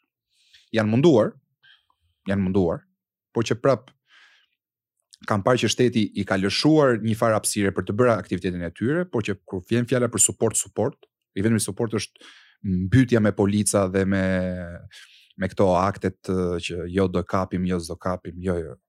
Merru merru me këto gjëra që janë më esenciale. Pastaj merru me këto gjërat edhe që nëpërmjet shtetit mund të bëheshin shumë thjesht, por është kosto, s'i përballon buxheti, duhet të hamë bukë të gjithë, gjithë duhet të marrin lekë nëpër xhepa, patjetër, kështu funksionon Shqipëri, Ballkan gjithë botën, por e them dhe rithem prapë se prapi që janë disa standarde disa gjëra që duhen bërë urgjentisht këtu, jo sepse ne duhet ta bëjmë ose jo si shtet ne e meritojmë, por më shumë sepse Shqipëria thashë njëherë po kalon një fazë ë intensive dhe përqendrimi nga të huajt shumë. Dhe ne çdo gabim që bëjmë ka efekte shumë të mëdha më vonë. Çdo gabim. Domethënë, jemi në atë, nuk e kemi më luksin e të bërit gabim. Tashi që vëmendja është te ne, duhet të jemi në formën tonë më të mirë. Dhe të paktën për pjesën e jetës së natës që ne le të themi që mund të flasim pak me, me një çik njohuri, Po çalon shumë. Mersi shumë. Hiq këtë vit që janë bërë organizime nga A-ja te Zh-ja, se Tirana Youth Capital u hapën uh, këto limitet e Covidit. U hapën thonë po, kur shkon bën një event për qejfin tënd, vijnë edhe thonë jo, po jemi kohë Covidi, ku ndërkohë evente të tjera janë bërë pa asnjë problem. Problemi nga shteti, domethënë shteti këtu është ka qenë më represivi, le të themi, të mbyste gjithmonë. Nuk e kuptoj pse. Mendoj se për shkak të mungesave të faciliteteve të shtetit për t'i monitoruar dhe për të ndihmuar, thjesht i bin shkurt dhe thon mbyllje fare. Po. Më kupton? Ëh, mhm. uh, por edhe avokatin e djallit, e përmenda në fillim që thash që të huajve i jepet më shumë krah këtyre shqiptarëve jo. Vjen edhe për fakt që thon, domethënë ata me të drejtë thon ne e kemi provuar me shqiptarët dhe s'është se kanë dhënë atë lloj kualiteti dhe atë lloj organizimi që mori një famë ndërkombëtare ose solli diçka një frymë të re dhe këtu jap të drejtë. Ky është faji jonë. Domethënë, secili problem nuk është ti e ke fajin. Gjithmonë ka një dualizim. Në rastin konkret ata thon ju shqiptarë ju kemi dhënë mundësi nga vitet nëntëdhjetë. para Covidit. Edhe çfarë keni arritur, dhe me plot gojë e them unë asgjë. Është çik për të ardhur keq. Kjo vjen më shumë nga mungesa e kooperimit midis palëve, diçka që ne e kemi përmendur, Kosova e ka shumë theksuar, bashkëpunim, bashkëpunim, bashkëpunim. Shumë edhe janë duke ecur në, në hapa galopant do thoja. Me problemet e tyre, po ku ka gjëra pa problem? Ne jemi, s'kemi filluar akoma. S'kemi filluar. Mungon uh, një frymë kooperimi, mungon uh, mungon koncepti i të shkuarit diku dhe t'ia kalosh bukur dhe ta suportosh tjetrin. Këtu në momentin që dalin njerëzit, kanë bërë gati listën e gjërave që do kritikojnë. Më kupton? Ëh. Mm Domethënë, ekzistenca ose le të themi ideja e tyre për t'ia kaluar bukur është të shkojnë në një vend, edhe të fillojnë marrin gjërat me rresht. Ah, po kjo se ka këtë, jo se ka këtë, ç'a bëhet shumë këtu s'vi më. Jo po pse vendose këtë DJ, jo po se kshu, po jo. You're missing the point. Probleme ka? ke një mënyrë tjetër më të mirë për t'i thënë se si janë problemet, por që këtu kanë harru njerëzit si t'ia kalojnë bukur. Është dhe kjo fjala që thonë, ka, ka marrë fund jeta e natës. Më duket se do ta kesh dëgju dhe ti disa herë kështu në muabete s'i për që. S'është si atëherë, njësoj është, thjesht njerëzit janë bërë më më çdo gjë e kalojnë me personale tashi. Do s'do ka të bëjë edhe me karantinën që ne kaluam. Domethënë ne tashi po i ndjejmë efektet e karantinës. Po, ato aftershocks le të themi më saktë. Tashi njerëzit janë bërë më emocional, më më të mbledhur, më vetëmbrojtje. Ok, isha vetëm kaq shumë kohë, tash kështu duhet të vazhdoj. Edhe është humbur çik ajo fryma e bashkëpunimit. Ka pas periudha. Realisht ka pas periudha. Dhe janë bërë me vërtet gjëra shumë bukura. Ë uh, festivalet që janë bërë në Shëngjin për shembull. Ato ishin organizuar nga grupe nga Kosova dhe Zvicra, po që pati dhe ndihmë nga shqiptarët. Dhe me vërtet kanë qenë gjëra shumë bukura. Ë uh, për disa njerëz jo, pa rëndësi ka, por që kanë rritur një farë standardi. Po ndërkohë ti ke promotora dhe organizatorë shqiptar që kanë punuar kaq shumë kohë dhe nuk e kanë kaluar ata hapin tjetër, kanë ngec te ajo rehatia, te ajo komforti, mbase vjen edhe se me kë rrethohesh, janë këto kontingjente njerëzve që të fërkojnë te shpatullat, thonë, je shumë mirë, s'ke probleme, je perfekt.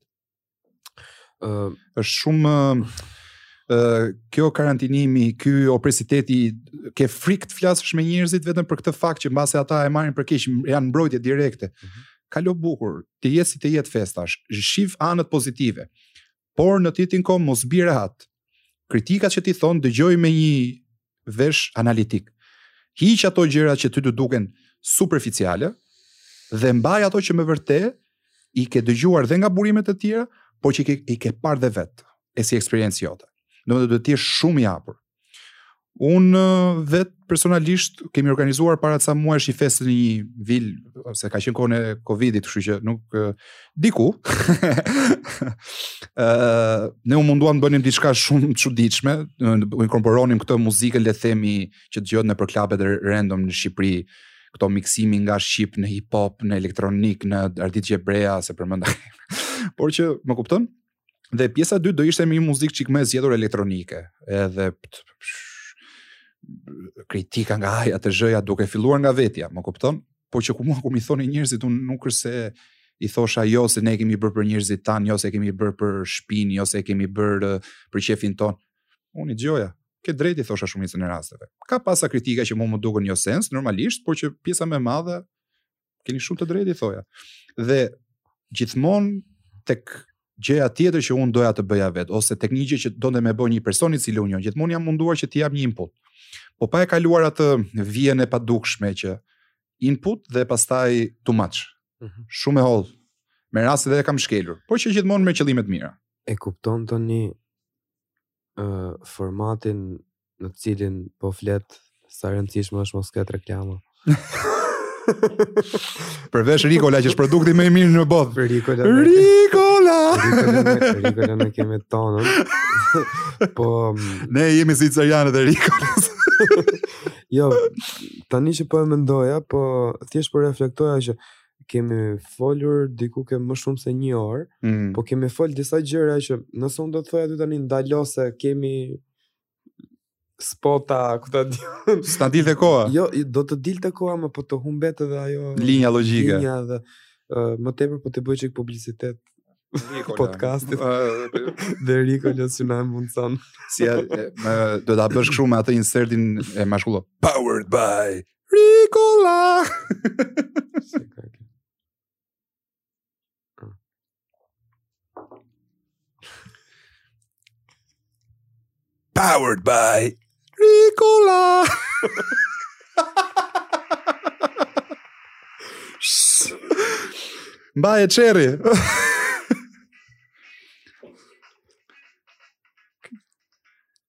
Këtë do ta vendosësh ti gjithmonë në momentin që kaloi dhe ajo para 10 minutave të fundit që ta kuptoj dhe tjetri që fjala. O, oh, 10 minuta do ta mbyllim tash.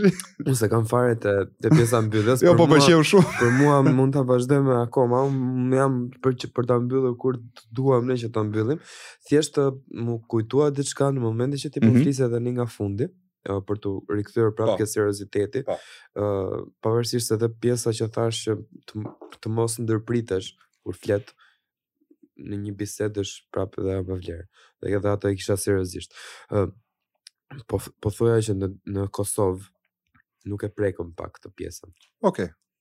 Dhe do kisha qejf ta preknim sepse uh, unë nuk kam shumë informacion, domethënë po e them paraprakisht. Realisht uh, shumë superficial si informacion. I vetmi që unë kam uh, kam qenë në disa festa, po në një festë uh, që shkova ishte një festë uh, e cila nuk organizohet nga një uh, SHPK ose NIPT ose një for profit, organizohet nga një organizatë, okay. uh, që është kjo servis org.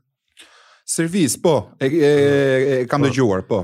Uh, gjëja që më bëri më shumë përshtypje është që në qoftë se ti rri në një klub ose në një uh, lounge ose në një pub që quhen këto që janë këto uh, hallet e uh, muzikës fusion fusion i them unë këtyre hall muzike elektronike dhe fakti që unë po e prek edhe ke podcasti këtë gjë është sepse jeta që zhvillohet në këto ambiente është ndikuar pak dhe nga arkitektura nga dizajni sa më të suksesshme të jenë këto aq më i mirë është dizajni brenda sa më mendjehapura të jenë këto aq më i thjeshtë është dizajni brenda, sa më uh, avangard të jenë këto, aq më të ndryshon dhe mënyrën se si ti percepton botën, fakti kur s'ke tavolinë ose kur ke ose kur mësohesh me të mos paturit tavolinë apo shishe, të ndikon në mënyrën se si ti percepton jetën përreth teje, kupton? Prandaj është edhe ideja që unë po mundohem që të ta integroj këtë pjesën e muzikës dhe profesionit, të hobit që ne kemi si bisedë në këtë program, që është më shumë i fokusuar ke dizajni, arkitektura apo dhe arti dhe gjëra që këto sjellin. Uh, ky, kjo organizata që po thoja në Kosovë, më bëri shumë përshtypje sepse u futa në orën njëmbëdhjetë, dhe kur dola, se normalisht ne të rinj jemi, dalim deri në mëngjes, kisha harxhuar vetëm rreth 30 euro ose 20 euro, gjë që në Shqipëri nuk më ka ndodhur kurrë të harxhoj aq lek. Mund të kem ndenjur 2 orë në një dhe mund të kem lënë shumë lek, ndërkohë aty mora 3 Red Bull, 4 birra, 2 ujë, më tha ajo, i dhash 100 euro sa që kisha marrë vetë, më ktheu, më ktheu, më ktheu nëntëdhjetë, po. i thashë unë gocës, më ke dhënë gabim, i thashë, jo, pse tha, në rregull, jemi, jo, më ke dhënë gabim, që thu, si gjithë ato gjëra që kam marrë unë kaq, po, më kupton, domethënë, birra 2 euro, ose gjëra shumë, gjëra që këtu, Ëm më ke thënë një gjë shumë interesante. Ë para pak minutash të përmenda një fest që organizova në një vilë që lokacioni s'do thuhet se mos na prapë policia me organizimin e radhës, por koncepti i hyrjes me çmimin aty ishte open bar. Dhe çmimi i hyrjes që ne e bëm ishte 30 euro. Dhe ne tham nga ora 11 e natës deri në orën 8 të mëngjesit ti mund të pish çfarë të duash dhe sa të duash dhe çmimi do jetë i njëjtë. Ti ke paguar 30 euro dhe ke çdo gjë brenda të përfshirë. Ti mund të pish edhe 20 birra. Vazhdo. Sepse ne llogaritjen e bëm që me taksin vajtje shko, domethënë totali të ishte rreth 50000 lekë. Më kupton? Domethënë, nuk ishte një numër që e nxorëm ne nga hiqi. Uh, patëm ca inpute nga disa persona që uh, kan, kishin më shumë eksperiencë, bëmë dhe ne llogaritë tona të brendshme dhe na doli fiks. Ne menduam që ishte më adekuat, sepse edhe gjëja e parë që na thoshin këtu në Shqipëri, pse kaq shumë thoshin. Në shpi thotë, pse kaq shumë. Dhe pyetja ime e parë ishte po kur, kur është hera e fundit që ke dalë në Tiranë dhe ke harxhuar më pak se 30 euro. Edhe aty rrinin gjithë habiteshin.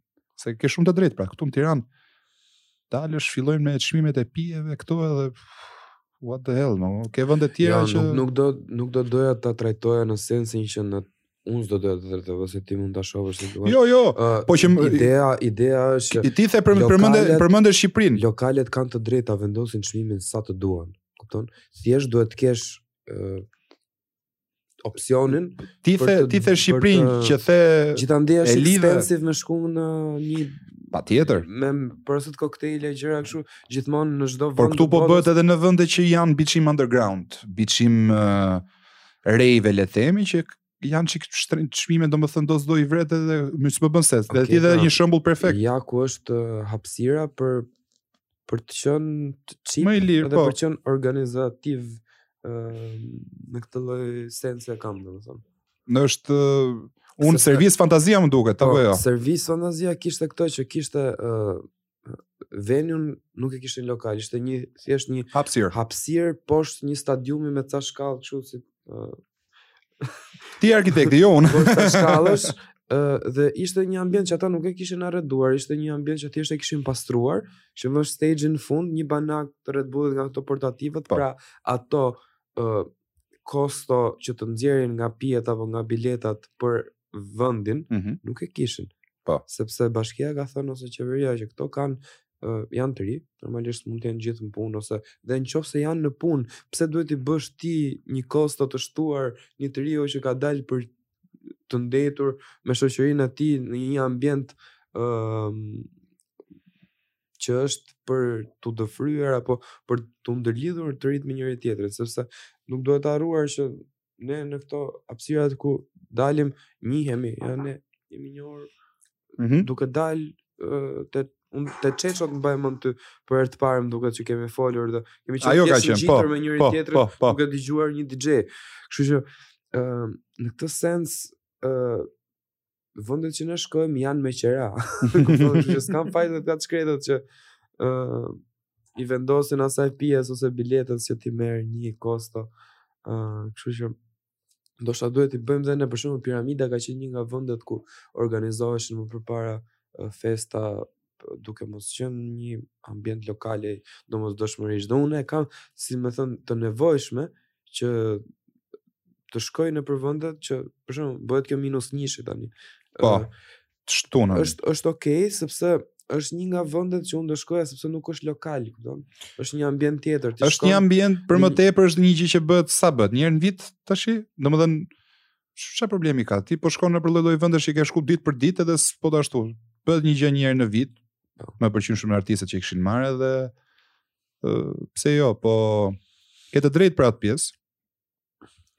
Ë, uh, por, domethënë ti the dy gjëra, shkëputemi pak nga këto lokale dhe kam llafin, nuk. Po po, për evente po flasim, për evente, se lokali, lokal ai e ka menduar vetë e bë vetë, a kupton për evente. Unë për shembull ta dhash shembullin e vilës sepse ai nuk ishte lokal, ishte event dhe ishte problemi që ne nëse faturonim pijet do ishin shumë të shtrenjta. Dhe këtë logjik kishim ne nga mbrapa kur, se ishte ose me pije me lek ose kjo. Po kur bëm llogarit pijet me lek na dilnin me çmim shumë lart dhe ishte logjika shumë e thjeshtë, pse duhet vijnë njerëzit nga ana anës, sepse festivalet do s'do në Shqipëri bëhen nëpër vende çik hiq minus njëshin që është në qendër, hiq ndonjë nga ato që bëhen në zona urbane, po një pjesë e madhe bëhen në vende të largëta që ti ke edhe transport brenda. Pse duhet të paguaj tash? Jo duhet të paguaj, se e personalizova pak, por në logjik, pse prapë se prapë personi do të paguajë të njëjtin çmim siç ka paguar në një lokal në një vend super urban. Ma jepi pak më shumë liri, më kupton edhe Kjo është e logjika që gjetën ne pas asaj. Pa, po. patjetër që ka të mirën dhe të, dhe të keqen e vet, por që nga gjërat e këqija që kishte ai si event që në, ne bëmë, e mira ishte kjo. Ishte pjesa e çmimit që kur ma përmendin fillim thonë ore është shumë shtrenjtë, po kur rri dhe mendon thua jo jo, është fiks aq. Më kupton? Ë nuk mund të hyj dot shumë detaje sepse do s'do ne s'dim për shembull sa mund të ishin kostot e vendit. Për shembull ti the për atë për servis fantazia. Unë nuk e dim për shembull, ai ta mbase mund t'ia ketë dhënë edhe qeveria ose bashkia si hapësirë që zhvillojeni, bëjeni. Ë këtu në Shqipëri për shembull ka një mungesë të kësaj. Këtu zakonisht bëhen shumë pirate këto festivalet që organizohen nga entitete të treta. Janë kryesorët, po, po janë edhe personat e tjerë që vijnë nga nga populli si me thënë që mundohen të gjejnë ana e anës vetëm se se vet spo siç ta thashë edhe mungesa hapësire në fillim për këtë që po thua ti në vazhdimësi ë uh, kur kam qenë në disa vende të tjera europiane domethënë uh, duke për ta lidhur pak edhe me arkitekturën po ë uh, evenimentet e muzikës të vëna në hapësira publike ë uh, të cilat mund të jenë shkallët e një muzeu, ë uh, hyrja e një sale operash ose ë uh, pjesa e poshme e një statuje siç ishte uh, Moving City po, te Solomoni, Solomoni. ose vënia nëpër disa pika strategjike Black Coffee tek paradhoma e Pallatit Kongreseve po, i rijetëzojnë këto ose i japin një ë uh, si me thënë, ndizet një dritë dhe njerëzit uh, kujtojnë që, oh, prit se qënka dhe ky ambient në qytet, parëvështirë se unë kam, kam disa vite pa kaluar, kupton? Në Lubjan ke një zonë të tillë që është marrë nga të rinjtë dhe hipsterat. Në Lubjan më duket, mbase edhe jam po gaboj me emrin, jo, Me po, po, telkova, po, po, që ishte një zonë e harruar komplet me me kazermat e ish uh, ushtrisë jugosllave, Dhe ajo lagje nga hiçi e morën të rinjtë që formuan muze lokale, tash është është bërë hotspoti për jetën e natës në jo, jo, Lubjan. Jo vetëm jo vetëm modele të tilla ku uh, merren vend uh, hapësira shumë të mëdha komplet të abandonuara nga të rinjtë, por dhe ambiente të cilat nuk janë të abandonuara, siç janë uh, shkallët e muzeut, pallatit të operës. Pallatit të operës, po. Ai nuk është ambient i harruar, aty kalojmë përditë. Aty po. Por organizimi i një eventi i jep një energji tjetër, re, po. Dhe si quhet ai eventi që bëhet aty me The Vinyl Day, që bëhet më duket në janar, po. është po. shumë i bukur, është një vend që do ishte shumë i bukur, po nuk e di pse nuk bëhet, është ambienti brenda muzeut Mbrapa thua ti, apo jo? Mbrapa, brenda ka një uh, godina. Brenda fare thua God... apo te pjesa e jashtme e oborrit mbrapa? Uh, godina e pallatit uh, është nëse mund të ta hap.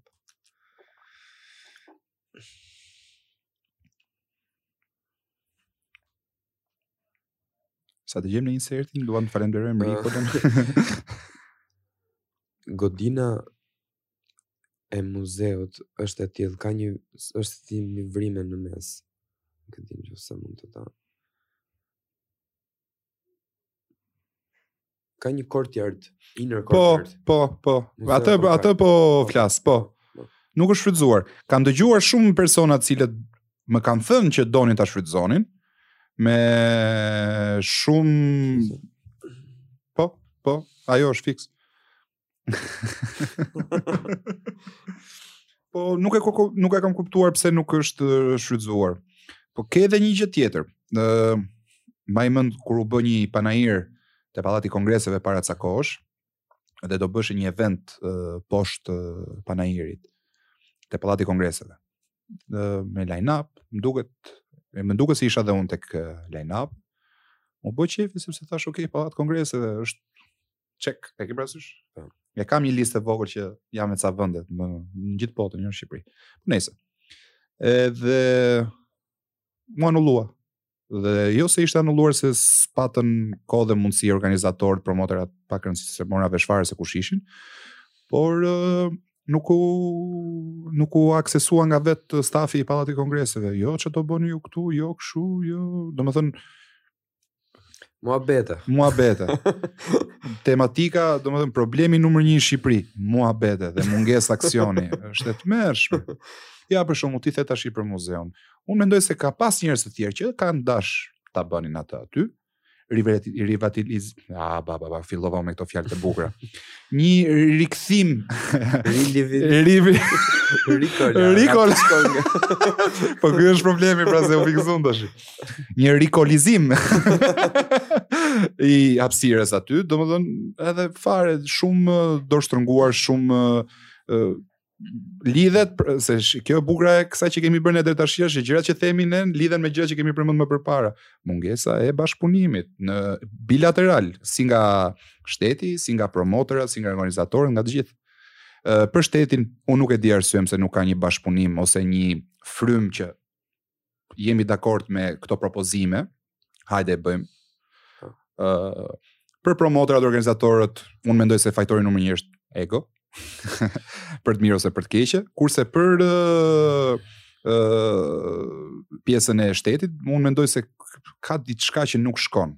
Domethënë, ose është klientelizëm, ose është vizion i vogël, po çfarëdolloj gjëje është dëm për ne, si popull, sepse ta thashë dhe një herë, do s'do kjo krijon probleme, sepse qoftë se ti s'më len ta bëj aty, unë do ta bëj diku tjetër, ose fare të iki jashtë, siç po ikin gjithë të rinjtë jashtë të shi. Um, ideja, ideja është që ndoshta uh, edhe institucionet nuk kanë faj ndonjëherë në momentin që uh, ti fillon direkt në një ambient publik. Po fundja ku do fillosh? Po pikërisht. Ku do fillosh? Kupton? Mund të fillosh në një ambient ku ti dëmi që mund të bësh është shumë i vogël, dhe në qoftë se ti dështon tek ajo gjëja që ti bën, dhe në qoftë se ke sukses pastaj gjithë followersat, fotot, gjithë promovimin që ti ke bërë e kalon shumë e vërtetë. Në një gjë më të lartë. dhe duhet ta mbash në atë në atë pikë. Gjithmonë ajo ana optimiste e imja ka qenë që mendoja që mbase s'kan besim tek organizatorët shqiptar. Sepse nuk është se kanë treguar ndonjë historik të madh suksesi që t'thush okay po ia lëmë në dorë.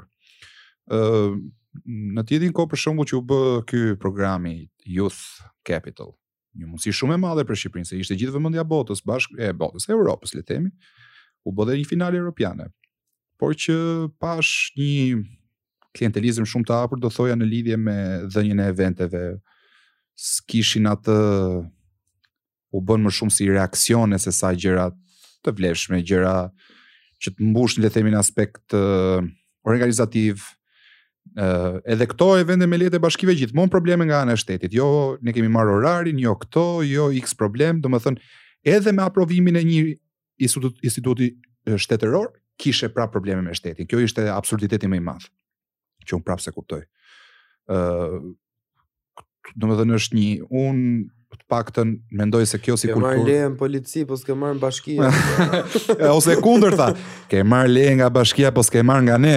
Është është e tmerrshme, është e tmerrshme. S'ka, domethënë, kushdo që thotë, oh, po këta po ia fusin kot, nuk jetojnë në të njëjtin vend si edhe ne. Jo, unë kam punuar në në bashki dhe një nga pyetjet që mua njerëzit më bënin gjithmonë merrin telefon dhe Ore, po si bëhet me bë party këtu?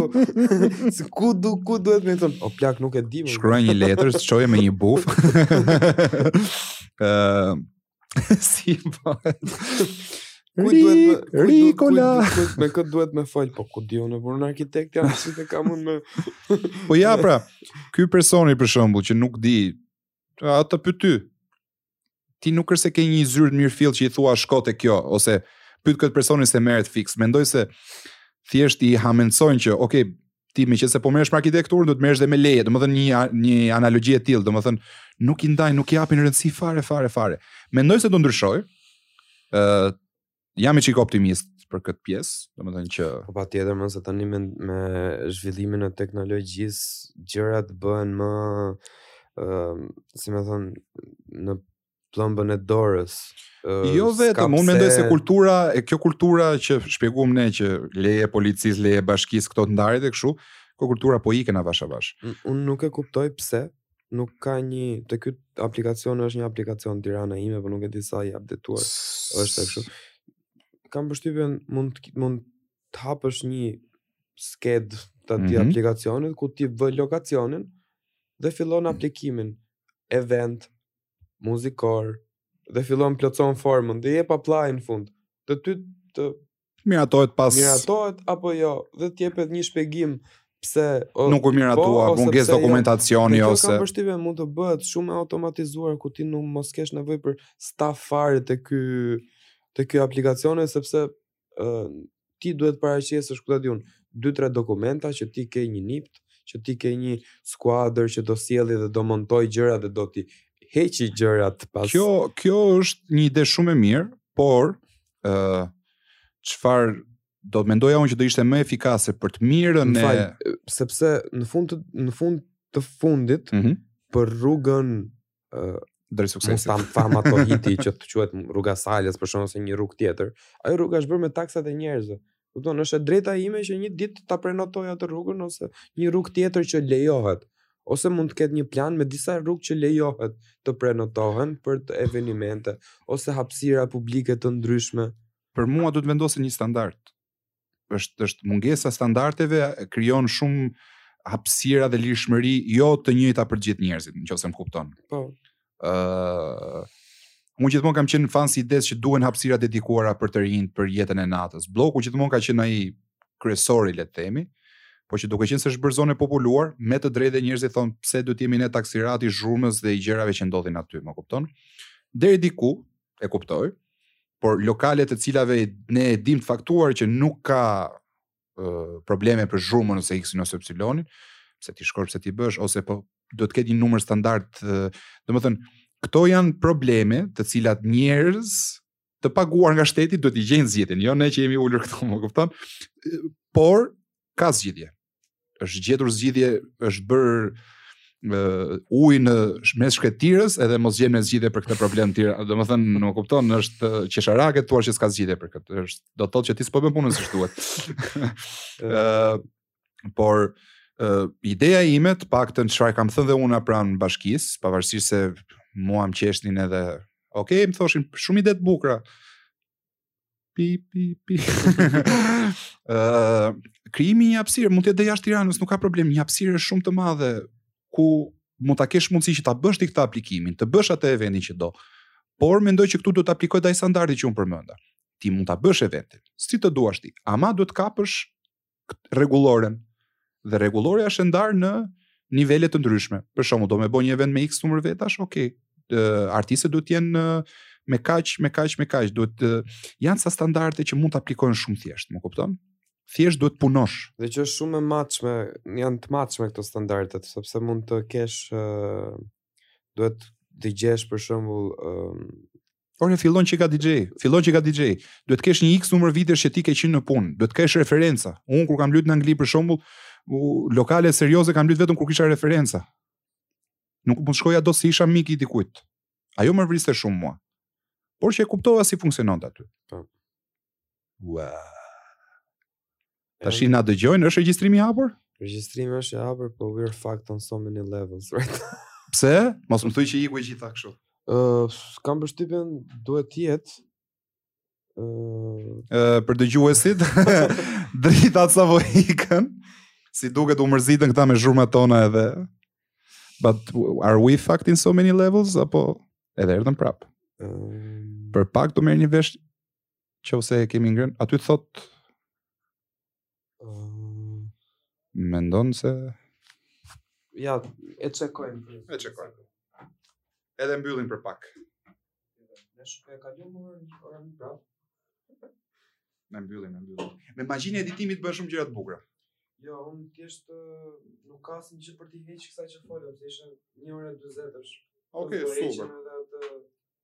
që bëmë në fillim. Që bëmë një pauzë, po. do të jetë një orë gjysmë, është po, okay. Po, po s'ka dy orë që jemi latar. Po ka një gjë që podcasti në qoftë se nuk është i gjatë, nuk është immersive. E vërtetë ajo. Po më shumë se 2 orë gjithmonë kam parë që e po unë në Spotify i hap, i dëgjoj, i hap prap. Kupton, është me atë që ti e ndalon edhe e fillon dhe prapë.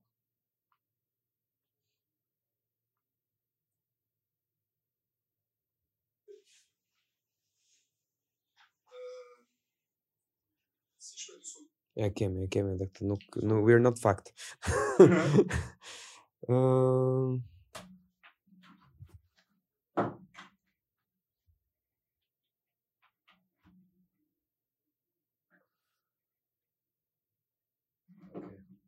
Vazhdojmë. Për të gjithë ata që në, ne na ikën një çikë dritat. Pak fare. Dhe patëm një mini heart attack. shumë shumë pak. Ishte kështu, se di, duhet ta mbash atë audion kur, se ishte shumë komike, nga duke folë seriozisht, ikën dritat ramë edhe ne. jo, mund të vësh thjesht një ikën dritat. 5 sekonda. Tek video. Are we fucked on so many levels? edhe sa erdhën dritat. Powered by Ricola. Kam që... Steven e shterumit që gjetën e natës me gjithë ato gjëra që... Uuu, e kemi marrë, e kemi, e kemi marrë prej gryke dhe e kemi shtru siç duhet. Uh, mendoj, ta thashë dhe që parë që ma kish qejfi, domethënë më shumë të ta mbyllja edhe me nota një çikë më optimiste, më kupton? Po. Gjithë këto gjëra që po ndodhin, ti e ke parë dhe vetë, ti ke edhe më shumë kohë se mua këtu në Shqipëri për këtë pjesë. Që probleme ka patjetër, por që po rritet ky brez i ri që është futur papritur në këto rrymat tekno. Po. është harruar fjala elektronike tekno. Mhm. Ëh, mm -hmm. dhe po zmadhohet tregu në një nivel të paparë dhe që mendoj se këto gjëra do rregullohen së shpejti. Më ndash po s'u rregullu problemi. po për të mirën e flas gjithmonë domethënë që ë uh, ka potencial akoma. Nuk është se jemi vonë që o bobo nuk bëhet më dhe hajde ikim, më kupton? Po. Ë uh, Mendoj se vetë njerëzit do e tregojnë që ok, enough is enough, Kemi parë se çfarë po ndodh jashtë. Ne duam pak a shumë të jetë njësoj dhe këtu dhe do ndërgjegjësohen edhe të gjithë. Mendoj se do vijë një moment, se ndryshe pastaj me vërtet ka marrë fund. Po më po po atëherë s'do kemi më fuqi me dalë. Unë po flas për fëmijët tanë, ata do shijojnë, jo ne. Ah, si kemi festuar ne do të. Ne rrinim me qiri. Ne rrinim me qiri dhe na iknin dritat mes podcastit. Ama kishim Ricola, ishim të lumtur. po Uh, ishte po the Jo, jo, kaq uh, dukem çik si optimist, çik si kshu, por që kjo është diçka që kemi folur dhe ne sa herë që jemi takuar. Kemi parë një gjë që s'na pëlqente dhe ti gjithmonë ishe ai që e më mirë, mo. jo, gjithmonë, gjithmonë normalisht është e rëndësishme që ta shohim edhe pak me me një perspektivë të ciltër mm -hmm, gjithë situatën sepse negativiteti, sikurse edhe poziteti, pozitiviteti nuk ka. I tepërt nga të dyja anët, po. Uh, mund të uh, you can go down the spiral pa fund, kështu që um, faleminderit që more çik kohë sot që ndave me ne disa nga idetë e tua dhe që diskutuam I morëm me radhë. Sa patëm mundësi. Um, ti po the, shpresoj të jesh ndier mirë te ky si format, se është formati... Ne folëm, ne s'e kuptum fare kur iku, po, ora, pra, po, atë kur bëmë atë pauzën... Gjëja, gjëja e dytë që doja të thoja ishte që kjo është një nga rekordet e mija personale PR. është uh, podcasti kam përshtypje më i gjatë uh, Ça thua? Ua. Uh, powered by ti e di vetë. S'ka nevojë të më përmend emra. Jo, jo, jo, jo, bolse. Unë ia kam kalu shumë bukur. Domethënë ishte, domethënë këto në një moment që po flisim sikur u zhdukën, ishte thjesht një bashkëbisedim. Kjo është uh, një një gjë që ma thonë të gjithë pak a shumë pas podcastit se është ajo fillimi është çiksi uh, jo stres, po, shtrohet po, muhabeti dhe pastaj është i shumë më e thjeshtë për t'i përshkru dhe për t'i sulmuar gjitha ato temat që ti ke interes. Ne kishim dhe shumë gjëra që s'i prekëm dot, por që për një herë tjetër. Ky është po, epizodi i parë i sezonit të ri tash si uh, me, si e ke menduar domethënë. Ky ky nuk është sezon i ri, ky është thjesht sezoni i dytë. Mm -hmm. Dhe ky kam përshtypjen është uh, në mos gaboj uh, S'e mbaj mend mirë, po diku ke 25, 26. Okej, okej, okej. 26. Okej, super. si epizod. Ëm Kam përshtypje do jetë në Spotify dhe në në YouTube. Në YouTube. Ëm dhe Apple Podcast, to kanalet e tjera vetëm audio. Um, shumë faleminderit kam përshtypjen që gjithë këto kemi mundësi që t'i përmbledhim dhe t'i dokumentojmë në këtë podcast që një moment tjetër apo një person që po të dojt në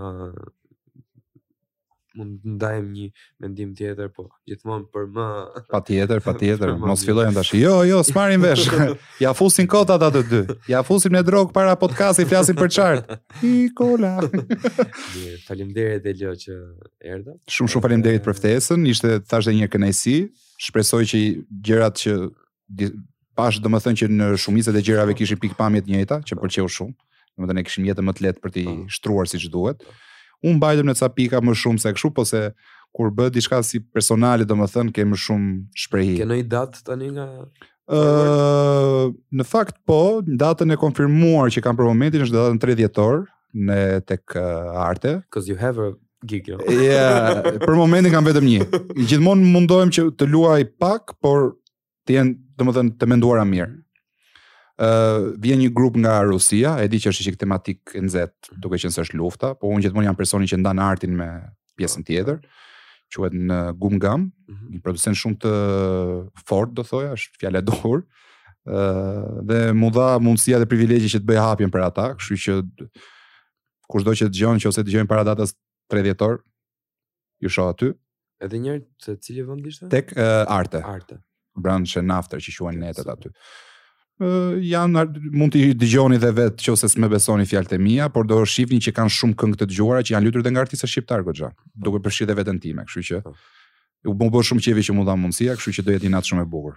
Bash do shihemi me te minus 1 atëherë me siguri. Të shtunën. Mita Gami dhe Musumeci, shumë DJ të mirë, sidomos Mita. Ishte kënaqësi edhe një herë. Kënaqësi ime. Faleminderit. Shumë faleminderit.